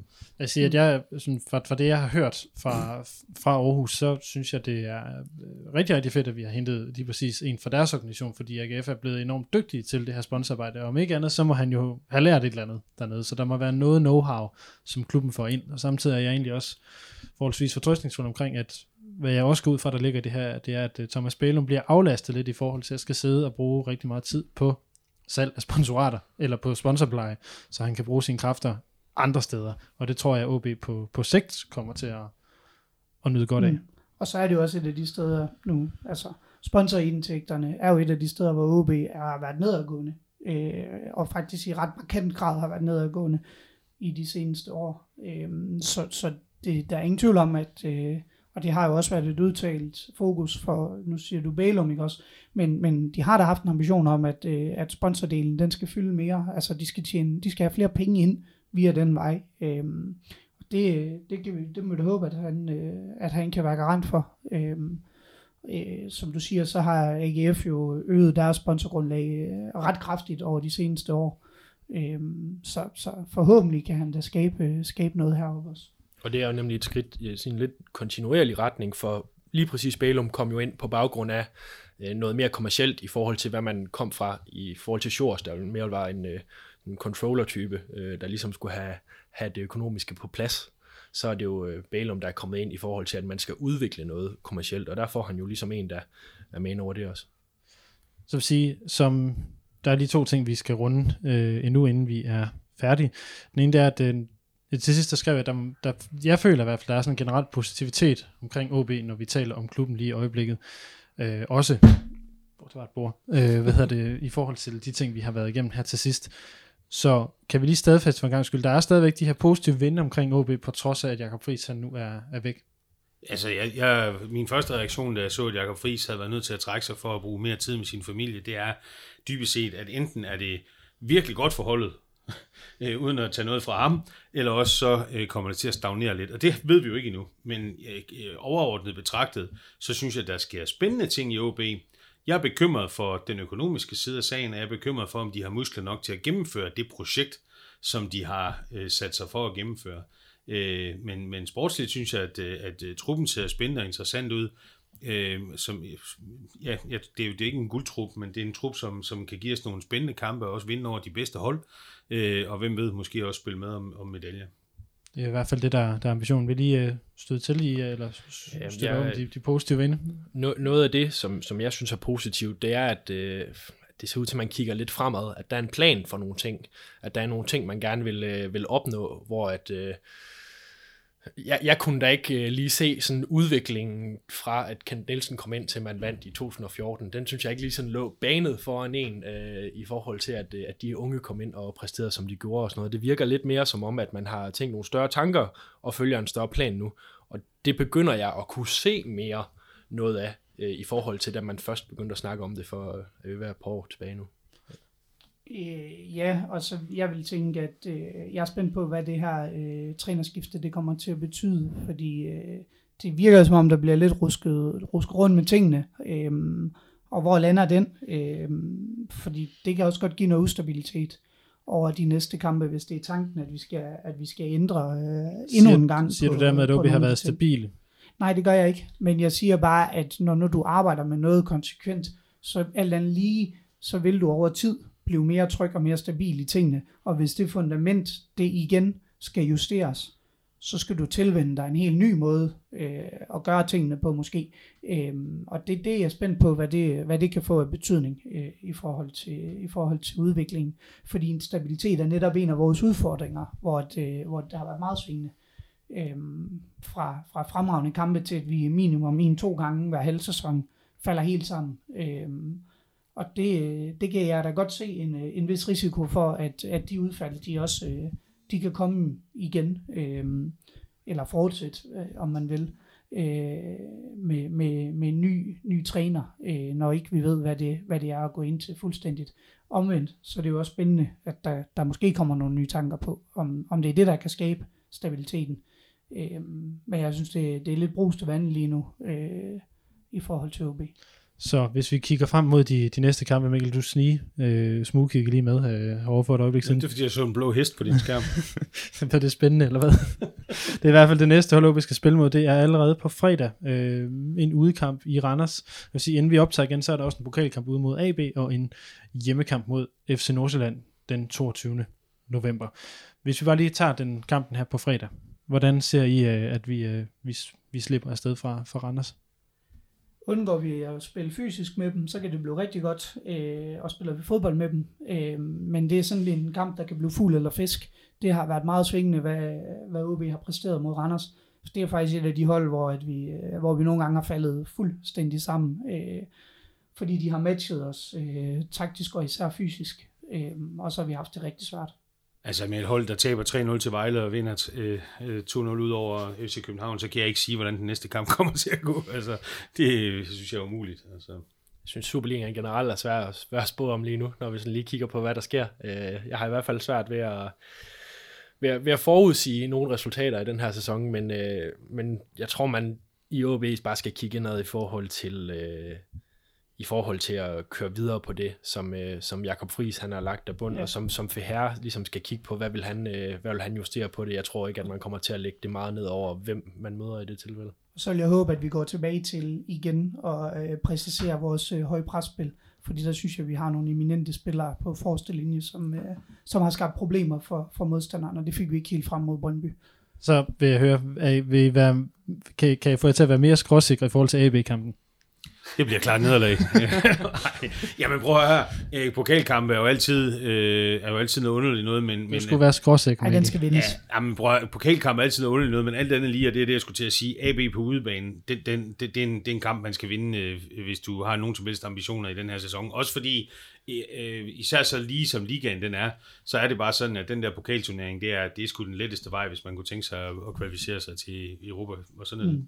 Og, og vi kan jo nok godt forvente at se øh, nogle andre spillere mod AB. Øh, altså, øh, og det er selvfølgelig det, der kan være, der kan være udfordringen ved de der pokalkampe, hvor man møder, møder hold, der er noget lavere arrangerende. Jamen det er jo, at du forventeligt har en, øh, en 3-4 stykker, øh, der er skiftet. Øh, nogle af betydning, nogle måske mindre. Øh, jeg er jo spændt på, om Kasper P. rent faktisk kunne øh, være i spil til at komme ind og få, få spilletid i den kamp. Øh, der er nok ingen tvivl om, at vores øh, anden målmand, han står i, i den kamp. Øh, og sådan er der, er der flere positioner, hvor du helt sikkert vil se ændringer. Øh, og hvordan kommer de til at fungere sammen? Det, det er sådan noget, der, der altid er en x-faktor i en pokalkamp. Jeg håber virkelig, at man prøver øh, nogle folk af, for ja. øh, det, som kendetegner OB lige nu, det er jo, når man sidder og kigger på bænken i forhold til øh, for ikke så lang tid siden, hvor man øh, virkelig tænkte, hvad har de at skyde med nu? Ja. Der skal virkelig, der synes jeg, der er nogen, der skal, der skal have chancen for at vise noget, og det synes jeg egentlig også, at at de får med de indhop, mm. der har været. Men jeg håber på, at man, man tør øh, rode lidt med, med startopstillingen. Og så skal jeg til at sige, de, de yngre øh, håber jeg jo også lidt på, øh, kan integrere sin startopstilling, hvor der stadigvæk er nogle bærende spillere, altså sådan en som Malte Højholdt eller Jeppe Pedersen, at de får øh, spilletid ind på den centrale midtbane eksempelvis, øh, så jeg jo gerne øh, for, at vi kan fortsætte udviklingen på dem, hvis vi mener, at de, øh, de skal være potentielle Superliga-spillere som faste starter. Og hvis fysikken er der til det, så lad os få ham med en kadar der fra start. Der, jeg kunne også godt se et eller andet der i Brøndby, og jeg sagde det til dig i sidste råd Aalborg, og Lasse, ja, jeg har set et par træninger, hvor der, der, er, sådan, der er nogle krummer et eller andet sted i ham, og hvis, hvis han kan spille en kamp fra start, så, så gad jeg godt se det i sådan en kamp mod for eksempel AB. Hvis han, øh, hvis han scorer mod AB, så bliver du udtaget til næste udsendelse, så kan du få lov at sidde og hovere. Super, det er en aftale. Og på, på den note, medmindre der er nogen, der har noget at tilføje, og vi netop har rundet de halvanden time, så vil jeg sige uh, tusind tak til uh, Mads Ågaard, Kasper Ørkild og Mikkel Ottsen, for at I havde lyst til at komme forbi og diskutere OB. Selv tak. Ja, sat med. Det her det er Rød Aalborg, en podcast om OB, produceret af OB Support Club i samarbejde med Spar Nord. Og jeg vil gerne lige en sidste gang slå et slag for, at vi har den her lytterevaluering, som gerne skal gøre os lidt klogere, både på jer lytter, men særligt på os, der sidder herinde bag mikrofonerne, og hvad vi kan blive bedre til, eller hvad vi i forvejen gør godt. Så jeg håber, I har lyst til at gå ind og gøre os klogere på det. Husk, at de stadigvæk kan vinde en af de her retro-trøjer. Jeg tror ikke, der er mere at sige, andet end at uh, tak for nu. Vi lyttes ved. Mit navn er Lasse Udhegnet. Forse OB. Du har lyttet til Rød Aalborg, din podcast om OB, produceret af OB Support Club i samarbejde med Spar Nord. Det er din fanradio, hvor du får aktuelle holdninger til spillet på banen, vi alle, alle kan godt lide Rigsgaard, men, men øh, altså, hvis det var ens mælk i køleskabet, så var man også til at overveje, om det skulle skiftes ud, ikke? er tæt på, hvad der sker i klubben, altså, det har jo været specielt, at jeg nu sidder og, og ligesom bladrer øh, hundredvis af beskeder igennem og svarer på dem, der er masser og, og så videre, og, og sende mig nogle tanker.